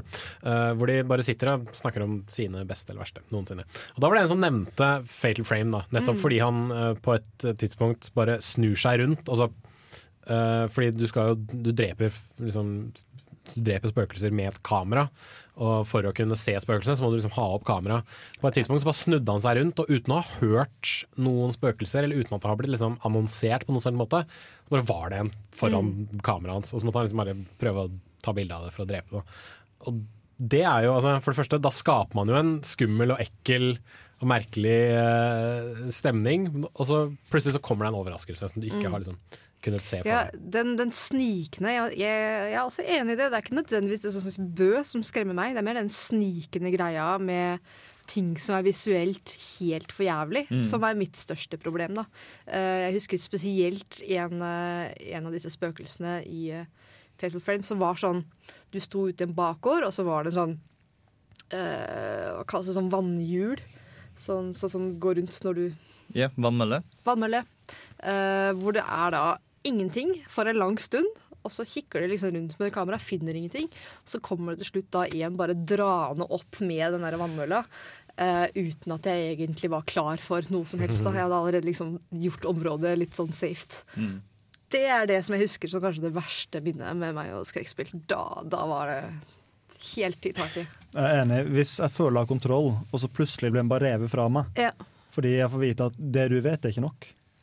Det, den, ok, det er ingen her, og så hører du en lyd, for eksempel. Få det i magen når de begynner å slappe av. Mm. Det er mitt største problem. Det er jo den derre altså, Det man populært i en film kaller en jump scare. Mm. Hvor noe plutselig bare Sånn, ikke sant? Ja, men ikke nødvendigvis så fort. Det er mer den at du er så klar for at nå skjer det ingenting.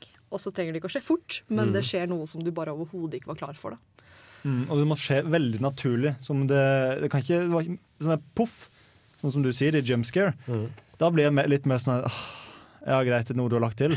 Mm. Men når det er noe som bare føles det her er fullstendig naturlig, og grunnen for at du ikke vet om det, er fordi du ikke har kontroll på situasjonen, Mm. den er jævlig. Men Det kan jeg si meg enig i. Og jeg tror eh, Silent Hill-spillene, i hvert fall de tidlige Silent Hill-spillene, gjorde det ganske riktig. Eh, har jeg i hvert fall forhørt. Jeg har ikke spilt dem sjøl, så jeg kan liksom ikke si, uttale meg så veldig mye. Ja, nei, de har veldig god suspens og Ja. stemning. Altså, så For liksom Ute i gatene på Silent Hill så møtte du veldig sjelden monstre. Mm. Det var liksom bare Det var tåka. Du så kanskje glims av et eller annet i, uh, Tåke i tåke og, der. ja. og en radio som tar og lager ulyder når du er i nærheten av monster.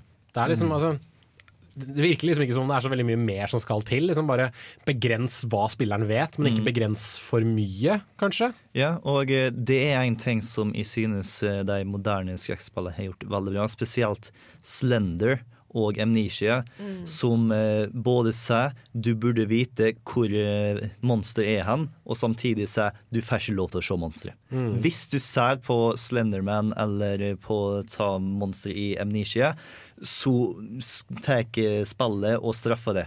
Eh, Slenderman kommer nærmere, du tar og blir mer på kameraet, du blir mer gal i Amnesia, og de kommer nærmere det. Du kan aldri stå stille og se på.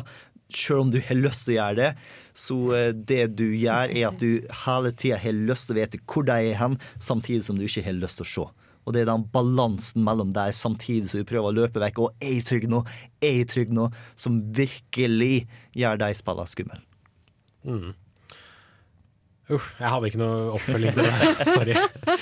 Vi sitter bare og grøsser. Ja, herregud. og Erik og jeg sitter og Men nikker altså- og så bare ja, det høres forferdelig ut. Men, men, men det du nevner, det får, jeg med en gang, det får meg med en gang til å tenke på uh, Pyramid Head i Silent Hill 2. Mm. Altså, eh, som jeg nevnte, jeg har ikke sett spillet, jeg har sett en Let's Play av Silent Hill 2, som var veldig bra, faktisk. Uh, og det, så, så tenker jeg litt over det at det, det er jo en fiende som, som etableres veldig tidlig, men du gjør aldri noe mot han før sånn halvveis ut i spillet. Og da er det sånn at hvis han kommer i nær, nesten kommer i nærheten av deg, så er du død. Mm. Fordi som han har blitt bygd opp som en sånn supersterk Ja, han er mer eller mindre haien i haisommer. Ja, det er, ja vet du Mm. hva? det er en god, god måte å si det på. Og det er et eller annet spill som jeg ikke husker hva heter, men Altså, Star Wars. Shut up. Men altså, spill der liksom én fiende av en type er skikkelig jævlig, og så Mm. møter du kanskje på Mm. ti av dem. Sånne ting merker jeg, det er også veldig sånn eh, Altså Kanskje ikke skummelt, men det er litt sånn fryktinngytende. Og du tenker liksom 'å faen, ikke sant? nå sliter jeg', fordi jeg, har, jeg klarer ikke å ta én av disse her. Hvordan i pokker skal jeg ta ti av dem? Mm. Og så klarer du det på et eller annet vis likevel. Uh, Eller at du har muligheten til å løpe. At det eneste muligheten ja. du står igjen med, er liksom Mm. at nå må jeg flykte. Og du ser en mulighet, f.eks. den røde døra. I, Mm. ja, den er jo veldig deilig å alltid vite at det er en vei ut. Men Jeg glemte hva jeg skulle si. Det er ikke alltid en vei ut. Men også så jeg liksom opp og det der Bård, og så bare Men det er, ikke, Noen men det er jo ikke alt, altså det er jo ikke alltid at det er en vei ut heller. Det kan jo hende at noen ganger så sier spillet liksom 'bli her og Mm. slåss, din jævel', fordi etc. Det er en ting som kunne vært veldig interessant i spill. Og det er sikkert noen som har gjort det kjempebra, men eh, balansen mellom fight or flight Mm. Mhm. De store budsjettene som eh, folk flest eh, har problemer som skal liksom være skrekkspill, er kun fight, egentlig. Det er altfor Ja. lite flight. Du Mm. vet at hvis du bare tar og stand your ground, så kommer du til å vinne. Det er liksom de som har ekstremt begrensa ammunisjon, som kanskje er best på fight or flight, fordi at du må hele tida velge er dette en kamp jeg kan vinne, eller er det noe best å bare ta og løpe langt, langt vekk. Og sånn er det jo med Pyramid Head i Silent Hill 2, at du møter han så mange ganger. Først også når du faktisk møter han i et rom, så du skyter på han, og så går han bare. Mm. Uh, andre gangen så dreper han hun du er sammen med. Uh, tredje gangen så eh, så slåss du litt mot han, og så går han igjen. Og så helt til slutt så møter du to Pyramid Heads. Her er liksom en fyr du ikke har klart å slå på en god stund, og så må du liksom Nå har du to av dem! Ta så Vinn det her, du, din jævel! Men eh, Last of Us, hvem er det som spilte her? Jeg spilte. Ja. Mm. Um, der hadde jeg den følelsen at veldig sjelden fikk du muligheten til å rømme.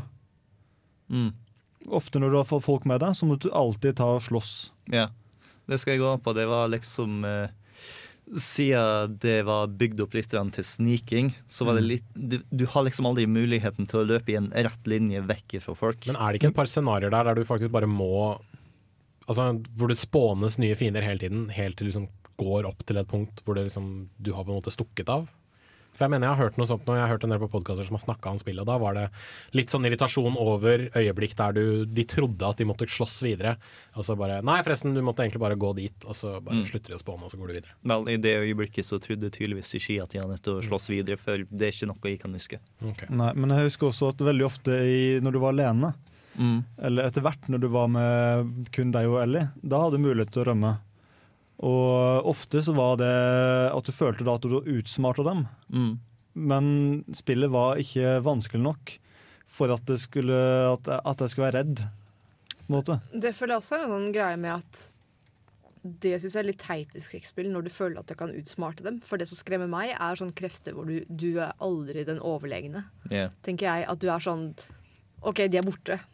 Men det er nok ikke fordi jeg har mista dem, det er nok fordi de er her i et eller annet sted. De er bare i skyggen. Ja, nå Men- pønsker de på noe nytt jævlig. Mm. Det er det som jeg syns er ekkelt. i hvert fall. Når zombier swarmer deg det du, de, en, en zombie så har du kontroll.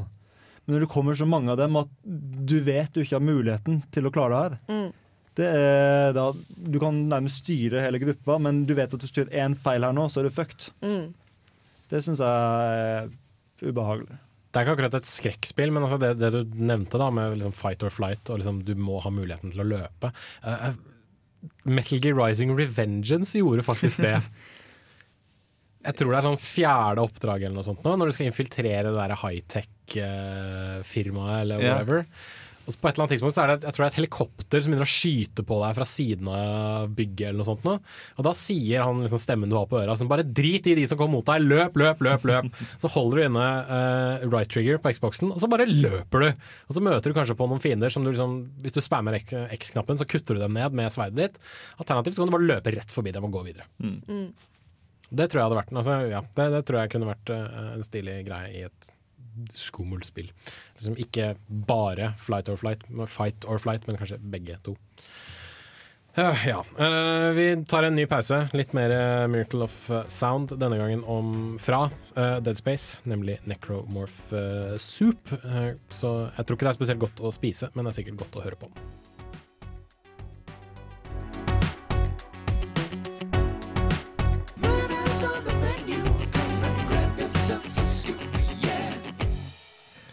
Miracle of Sound eh, igjen, og Sondre må komme seg på plass. eh, på, foran mikrofonen sin og ta på seg headsetet. Der, ja! Flink gutt. Klapp eh, på hodet og godbit. Yes. Uh, Bård, du nevnte noe i stad som jeg eh, dessverre fullstendig overkjørte deg på til slutt. Ja, uh, fordi en del Jim Sterling tok opp egentlig, var hvordan eh, skrekkspill har vært denne generasjonen her. Mhm. Eh, Vi har allerede diskutert litt om det siden vi har vært såpass masse innom Slender og Amnesia. Men eh, det er liksom eh, En viktig del av den moderne skrekkspillet er fokus på at du er maktesløs. Alt mulig rart. Mm. Det har vi snakka masse om. Men en annen ting som de eh, Ikke bare skrekkspill, men som i min mening har identifisert en god del, er permadeath. Det har tatt og putta en god del skrekkelementer inn i spill som vanligvis ikke har skrekk.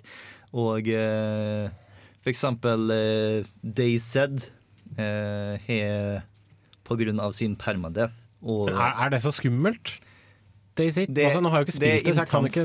Eh, Jeg vil si Ja. at uh, for et uh, fight or flight-spill, så er Dayzed veldig godt, siden du har permadeath. Men vil man ikke heller være mer redd for de spillerne som har bedre utstyr enn deg enn faktiske zombiene? Jo. Ja, nettopp. Men det stanser ikke for at du er, Det er sant. Frykt er frykt, for så vidt. Så det skal jo ha. Mm. Jeg er helt enig. Jeg har spilt en del Dayset når jeg var hjemme og, hos familien forrige gang. Og du er ikke da redd for zombiene, for du kan ta en zombie. Mm. Men likevel så står du og ser ut som et jorde ganske lenge før du beveger deg ut der. Mm. Det kan være det ligger en eller annen jævel der som egentlig bare har lyst til å komme seg i en bedre posisjon på din bekostning, og det at du har permadeath, det gjør det litt mer jævlig. Du stoler ikke på noen. Mm.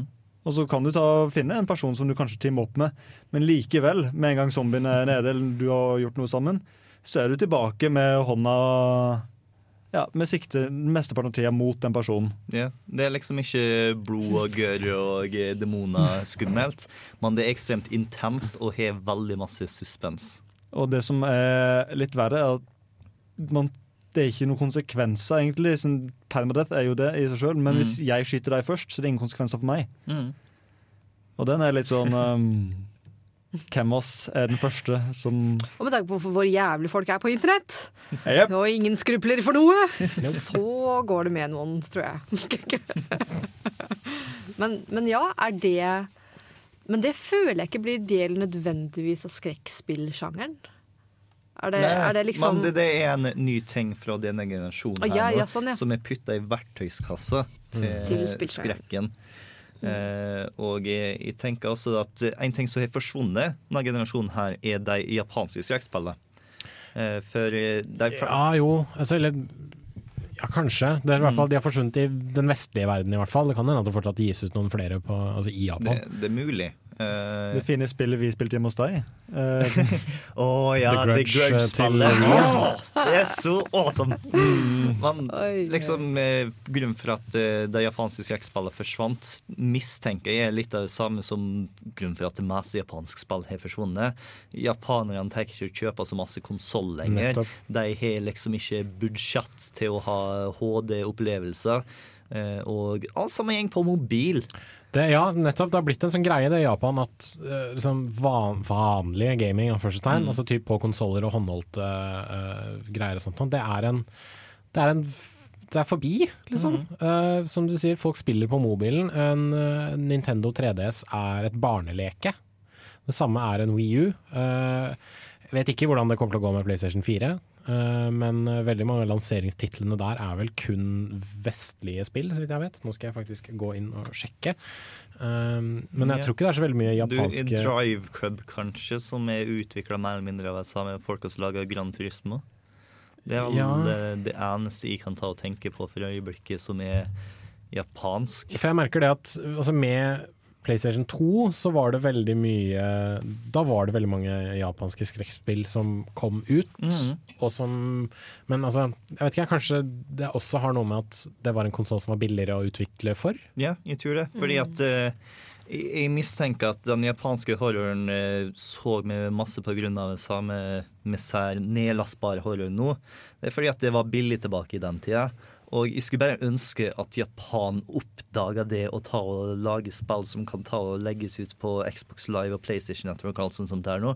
For det har de ikke gjort ennå, egentlig. Eh, og jeg tror Fordi at japansk horror er så interessant annerledes enn vestlig horror at eh, jeg savner Liksom, du har hatt noe. Du har hatt uh, Deadly Premonition, som uh, både er horror og vel alt annet enn horror. Horror og horror iblant, men um, Gameplay-element hvor du faktisk skal slåss mot monstre, er litt horror. Ikke ordentlig horror som Slender er, men ja.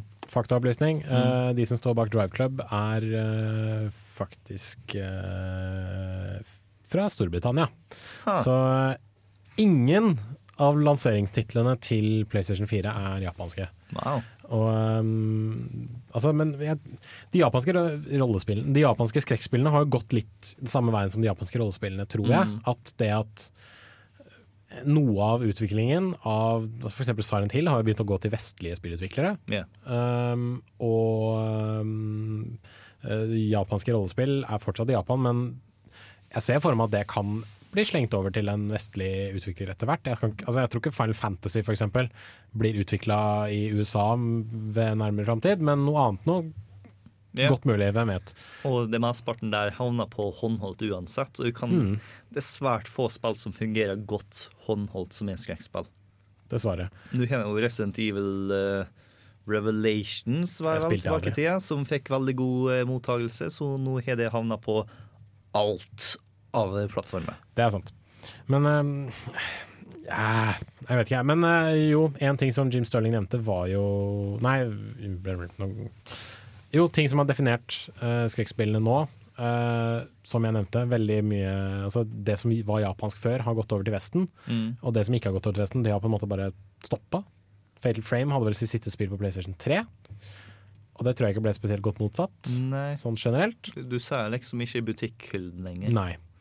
Uh, men også det at noen av disse spillene markedfø markedføres veldig rart. Uh, Dead Space 3, for eksempel. Hele den Ja. derre spillet mora di ikke vil at du skal spille-greiene.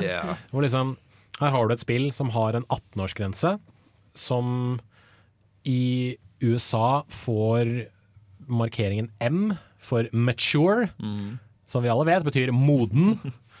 Og når du da har en markedsføringskampanje som sier at dette er spillet for ekkelt for mora di, ikke sant?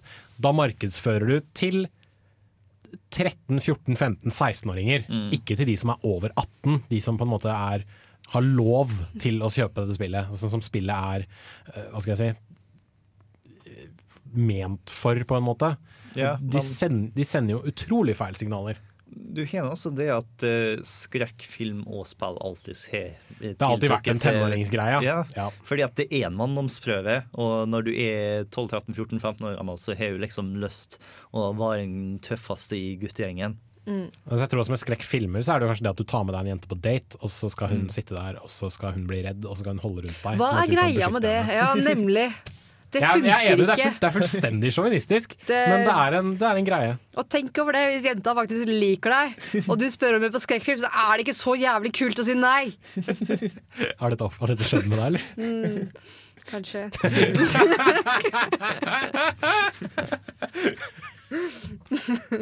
ja, det verste er at jeg tror han kanskje hører på programmet. Så nok om det, i hvert fall. Mm. Så hvis du hører på, you done fucked up. You done fucked up, faktisk. Det er, ikke, det er ikke til alle karer der ute. Det er ikke noe sjakktrekk. Vit at dette det er noe funker sikkert for som, eh, noen. Vit om det er noe de liker først, da. Ja, altså, jeg, jeg, jeg ser jo det, for noen. det er lov å spørre først om de liker skrekkfilm. eller ei. Det må jo funke for noen, tenker jeg da. Jeg vet da søren, jeg. Eh, eh. Nei, men eh, en, eh, jeg føler at noen, noen skrekkspill har gått vekk fra dette å bare lage en stemning. Mm. Uh, Dead Space 1 sier jo alle var veldig stemningsfullt og fint, og klarte å liksom Ja, fint. klarte, ikke, ja, fint. Skape en atmosfære, da. Mm. Mens i Dead Space 3 så så du at å ja, der er det et rør, og der er det et hull, der kommer det til å komme ut noe pang. Der, der var det noe, ikke sant. Uh, og det at liksom De skal bare kaste ting mot deg hele tiden, i liksom et ikke nødvendigvis et forsøk på å ikke bygge opp atmosfære, men de har kanskje glemt hvordan du bygger en atmosfære, og hvordan du faktisk lager noe med eh, liksom tempo. Eller liksom, ikke tempo, men riktig pacing. Suspense, ja. Ja, vi, har ikke noe, vi, vi har liksom ikke noe norsk, godt norsk ord for pacing. Rytme. God, god flyt, god rytme. God flyt er kanskje greia. Um, det, det føler jeg har påvirket en del spill. Og ikke minst da dette med disse indie-spillene som, som det, det starta med ikke, Slender Eight Pages og Amnesia og sånne ting, og så bare pff, eksploderte det. Fordi folk ta, sa at hei, dette var kult, jeg kan sikkert lage noe sånt nå, og så gjør de det. Mm. Jeg eh, prøvde et uh, gratis skrekkspill som uh, ligna litt på eh, Som ble anbefalt samtidig som jeg tok og sjekka ut Slender, som var en uh, trappsimulator. Hmm. Basically, du gikk ned en trapp for evig alltid. Og, ja, den derre eh, SCP eller noe sånt nå? Ja, ja, det var en Um, sånn eh, hemmelig uh, byrågreie du holdt på å gå ned i. Og sånn Det kanskje gikk til 30 etasjer, og så kom det noe skummelt! Og så gikk du en etasje til, og en etasje til. Og så er du mer og mer sikker på at det skjer noe skummelt neste gang, og så skjer det ikke noe skummelt. Og så går du forbi, og så skjer det noe skummelt der. Var det dette, tror du? Jeg tror det kanskje er det, ja. Så det sånn cirka sånn ut? Jeg mener på at det er noe sånt, ja. Eh, SCP Containment Breach, uh, for de som uh, eh, lurte. Eh, vi kan legge en link i ja, den beskrivelsen vår. Eh, men det, det har en jeg har bodd sammen med, spilt et par ganger. Mm. Og da hendte det ofte For han var sånn som Altså For det første, han digga han der PewDiePie-løken av en eller annen merkelig grunn. Eh, men spilte ikke så veldig mange skrekkspill sjøl, da. Men det her, det spilte han. Og han hadde sånn skikkelig sånn surround-anlegg med sånn i uh, lyden og sånt noe. Spilte med døra lukket, lyset av, lyden opp. Og uh, hadde, hadde en jente på rommet sitt ofte hvis han satt og spilte dette greiene her. da, For hun ville bli skremt, hun også, selvfølgelig. Og plutt, altså, med sånn fem-ti minutters mellomrom så hører vi bare «Ah!» fra rommet ved siden av meg. Og så bare Å, fy faen! Å, fy faen. Så, bare, så, så roer de seg ned igjen, og så går det videre. Så bare. Og det jeg til slutt gjør, da, fordi jeg begynner å bli drittlei av at disse menneskene driver og hyler og skriker og altså, forstyrrer meg når jeg sitter på mitt eget rom og liksom prøver å mind my own business. Det er liksom Neste gang det har gått et par minutter da, etter liksom forrige skrik, så står jeg utenfor døra hans. Og så liksom gjør jeg meg klar, legger hånda på, uh, på dørhåndtaket, smeller opp døra og bare Faen, jeg driver med her inne! Begge to bare holdt på å fly ut av vinduet fordi de ble så redde. Oh, yeah.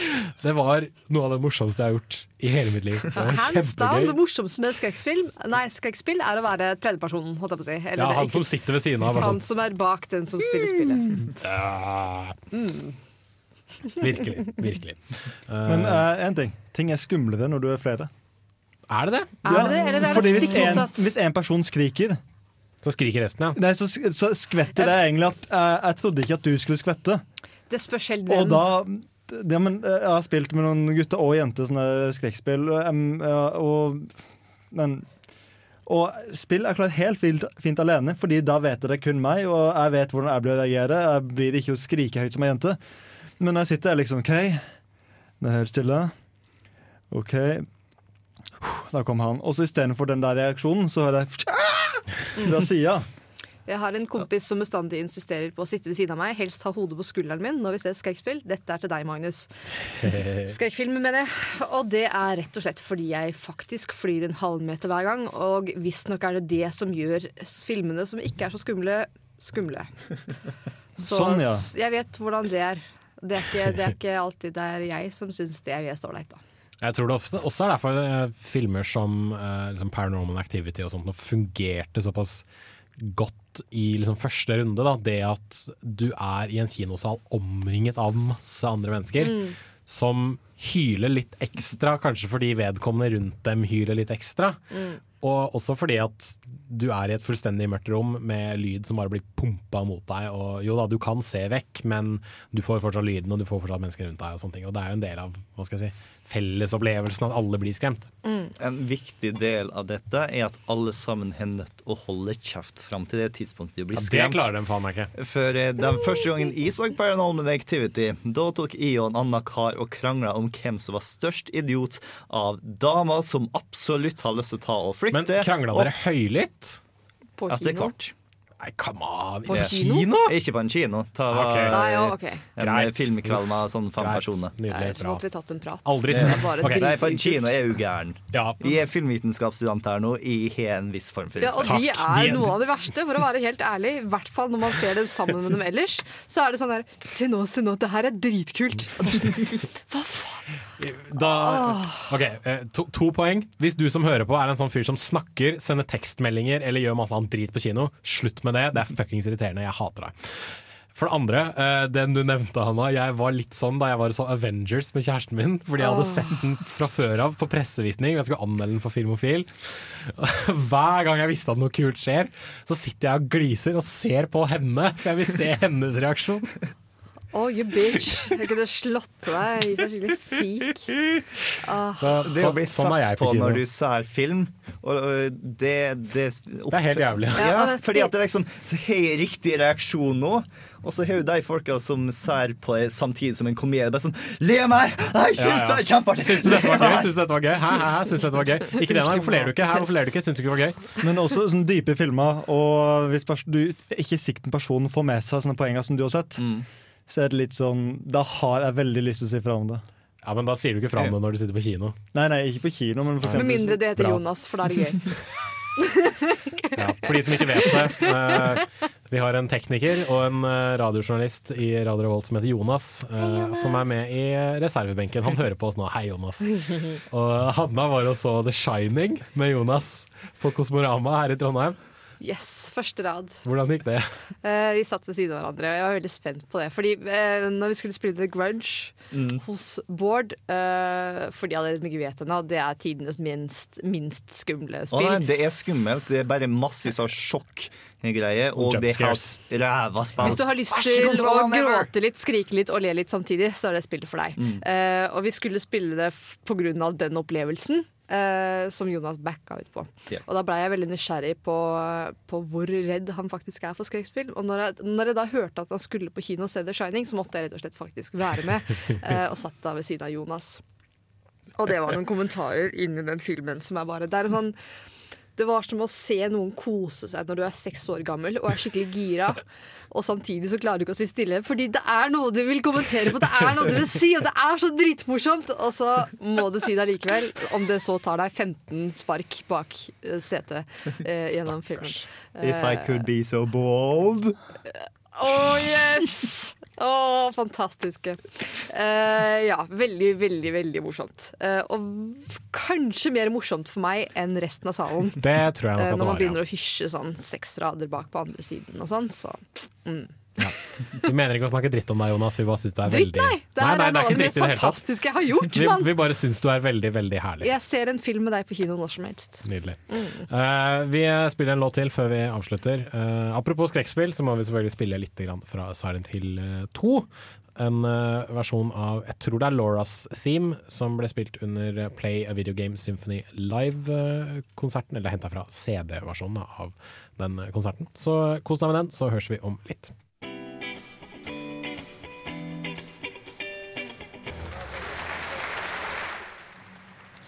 Fra Play a Video Game Symphony Live-skiva. Skiva, CD-en, whatever. Uh, Silent Hill 2-tema. Det var sikkert uh, Theme of Laura, tror jeg. eh, Komponert av Akira Iyamaoka. Um, om det var han på gitar, er jeg ikke så sikker på. Men uh, anyway. Skrekkspill eh, er det vi snakker om, og det er eh, en fyr vi har ikke nevnt ennå, som Jim Sterling nevnte i sin eh, The Survival of Horror-video. Vi har nevnt noen av eh, titlene han har skapt, men ikke Det har vi. Eh, Ja. Det er en uh, artig liten, snart 50 år gammel japaner som heter Shinji Mikami, som har stått for en god del gjennombrudd, vil jeg påstå, i spillhistorien. Mm. Uh, han skapte jo, eller var med å skape Resident Evil-spillene. Han var med å skape Devil May Cry-spillene. Han uh, vet du hva, Nå må jeg gå inn og klikke meg inn på Wikipedia-profilen hans, så jeg vet. Han har vært med å lage Beautiful Joe-spillene. Han har vært produsent på Ace Attorney-spillene. Han skapte den nye Resident Evil-formelen med Resident Evil 4. Eh, han har uh, jobba med Dino Crisis-spillene. Altså, fyren har så mye fartstid i, uh, i eh, spillbransjen at han jobba faktisk Han var en såkalt planner på SNES-versjonen av Aladdin, som ble gitt ut i 1993. Så ja, han, eh, at han eh, har gjort mye, det er eh, en, hva skal jeg si, en sikkerhet. Og han eh, jobber nå med et spill som skal komme ut i 2014, som heter The Evil Within. Uh, og jeg hørte et uh, intervju med han der han uh, skulle fortelle litt om dette spillet sitt, og oppsummerte det med følgende setning Survivor horror is back. Så forhåpentligvis kanskje han klarer å bringe survival horror tilbake litt grann igjen i lyset. som liksom de, den type spill der du har litt makt, men også er litt hjelpeløs samtidig.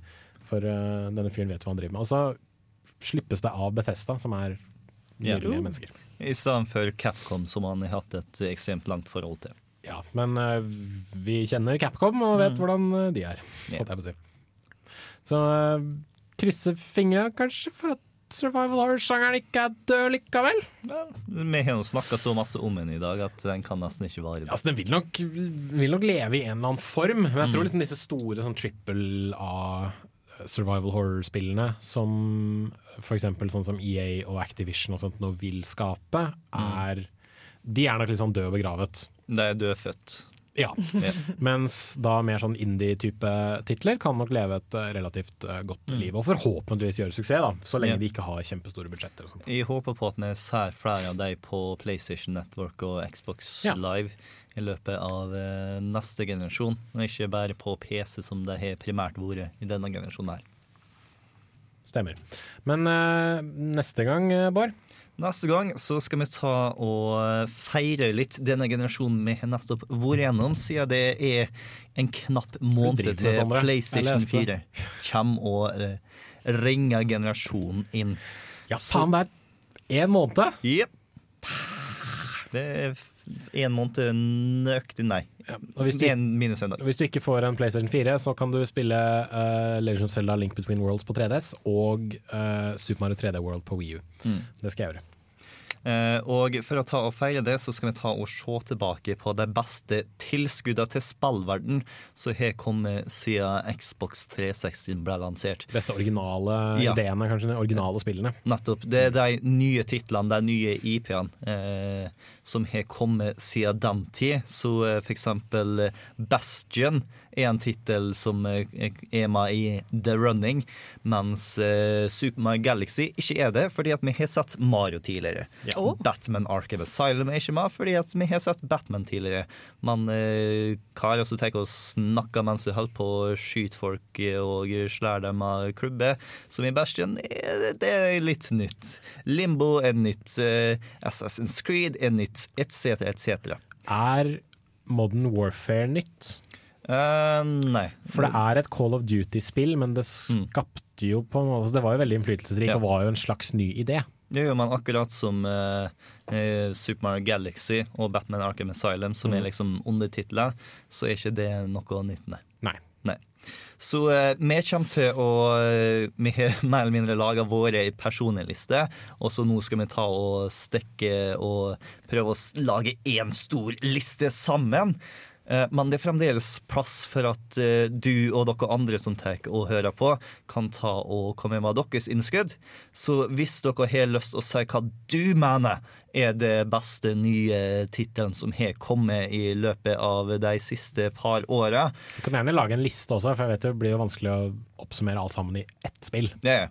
Eh, lag en liste, gjerne med litt rann, eh, argumenter, så kommer jeg til å gå gjennom og lese litt opp imellom eh, hver av våre topp ti-punkter. Mm. Jeg jeg er veldig spent på hvordan min topp 10-liste kommer til å påvirke, alle andre, altså påvirke totalen, for eh, jeg Hva skal jeg si? Jeg har gått for en litt, litt annet innfall enn det kanskje en del andre av dere har gjort. Ja, Vi har liksom gått for de vi synes er de beste, mens du har er Jeg har gått for innflytelse. er-. Ja, innflytelse. ja. Ja, for jeg syns det, det er riktig. Mm. Det er meg. Eh, Spanner in the works. Definer innflytelse. Eh, noe som har altså, Nei, det sier jo litt seg sjøl. Ja. Noe, som har- noe som folk har kopiert. Ja. For eksempel Det har helt endra hvordan spill har blitt laga Ja. etter det kom ut. Gears of War 3 endret tredjepersonsskytteren. Gears of War 1 endra Gears of War 1, mener jeg, selvfølgelig. Uh, fordi da, hadde det ikke vært for Gears of War 1, så hadde vi ikke hatt liksom, dette tighte coversystemet de har Tighte, altså, ikke teite. Stramme uh, coversystemet. Uh, og da hadde vi ikke hatt x antall spill som har prøvd å kopiere det. Eh, jeg vil, selv om det ikke er liksom innenfor kategorien, så vil jeg kalle Modern Warfare uh, 1, altså Call of Duty 4, Ja. Uh, Ekstremt innflytelsesrikt. Fordi det liksom sparka i gang uh, muligheten for liksom moderne skytespill, og kom litt sånn ut etter en tid da det var veldig mye sånn jeg vet ikke, Folk var kanskje litt redde for å ta tak i den der liksom frykten for terrorisme og den liksom krigen mot terror og alle sånne Mm. ting, men så kom liksom Infinity Ward og sa at vet du hva, det her det skal vi vi skal sette et spill som tar dette her liksom på alvor, eller prøver i hvert fall. Ikke for å nevne at uh, online multiplayer Ja, har aldri vært samme siden Absolutt, Modern Warfare absolutt, 4 absolutt. kom ut. Så dersom du har lyst til å være med på denne diskusjonen, så er mailadressa nerd at radiorevolt.no. Ikke nerd, altså. Å nei, unnskyld. Nei, du må ta og stave skarreren. Nei, det ruller R er det. Dette er en skarrer. No one ever really dies at uh, Nei, nei det er etter radiorevolt.no der, altså. Um, ja, uh, vi har dekket mye i dag, vil jeg Yes. påstå. Det er way to go us. Tjo! Så um, høres vi om ca. en ukes tid. Grunnen til at jeg driver og haler ut nå, er fordi den klokka ennå ikke er på null. Og jeg Ja, liker men- at den er på null, skjønner du. Jeg trenger ikke at den. Skal være på null. Er det ikke podkast ah, der hvor vi koser oss til vi ikke gidder å kose oss lenger? Jo, det er sant, så vi gidder ikke kose oss lenger, er det det du sier? Ja. Dette siste minuttet er bare kjipt. Det er veldig spesielt å avslutte slutte på toppen. Nei, ikke på toppen, men det er veldig spesielt å avslutte en podkast-time med Bach. Syns jeg, eller Bach, alt ettersom. Okay, Hvorfor har vi valgt Bach? Spør Sondre. Det er um, teamlåta til Evil Within. I traileren, for øvrig. Ja. Dessuten er vi høykultur. Så Vi- du vet. Spill er kultur, som vi sier på Gameplot. yes. Um, da tror jeg vi bare signer off, og så lar vi Jeg tror det bare blir kleint hvis vi fortsetter. Ja, du Det tror kanskje- jeg virkelig at det blir. Altså. Uh, Aria sulla quarta corda. Jeg aner ikke hvilket språk det er og hva det betyr, men det er i hvert fall Johan Sebastian Bach som får lov til å uh, avslutte den, eh, denne podkasten av Kontroll alt delete. Så høres vi om ca. en uke. Auf Wiedersehen. Ja. Uh, Jens Erik heter jeg. Jeg har hatt med meg Sondre, Hanna og Bård. Og så får vi bare si ha det bra.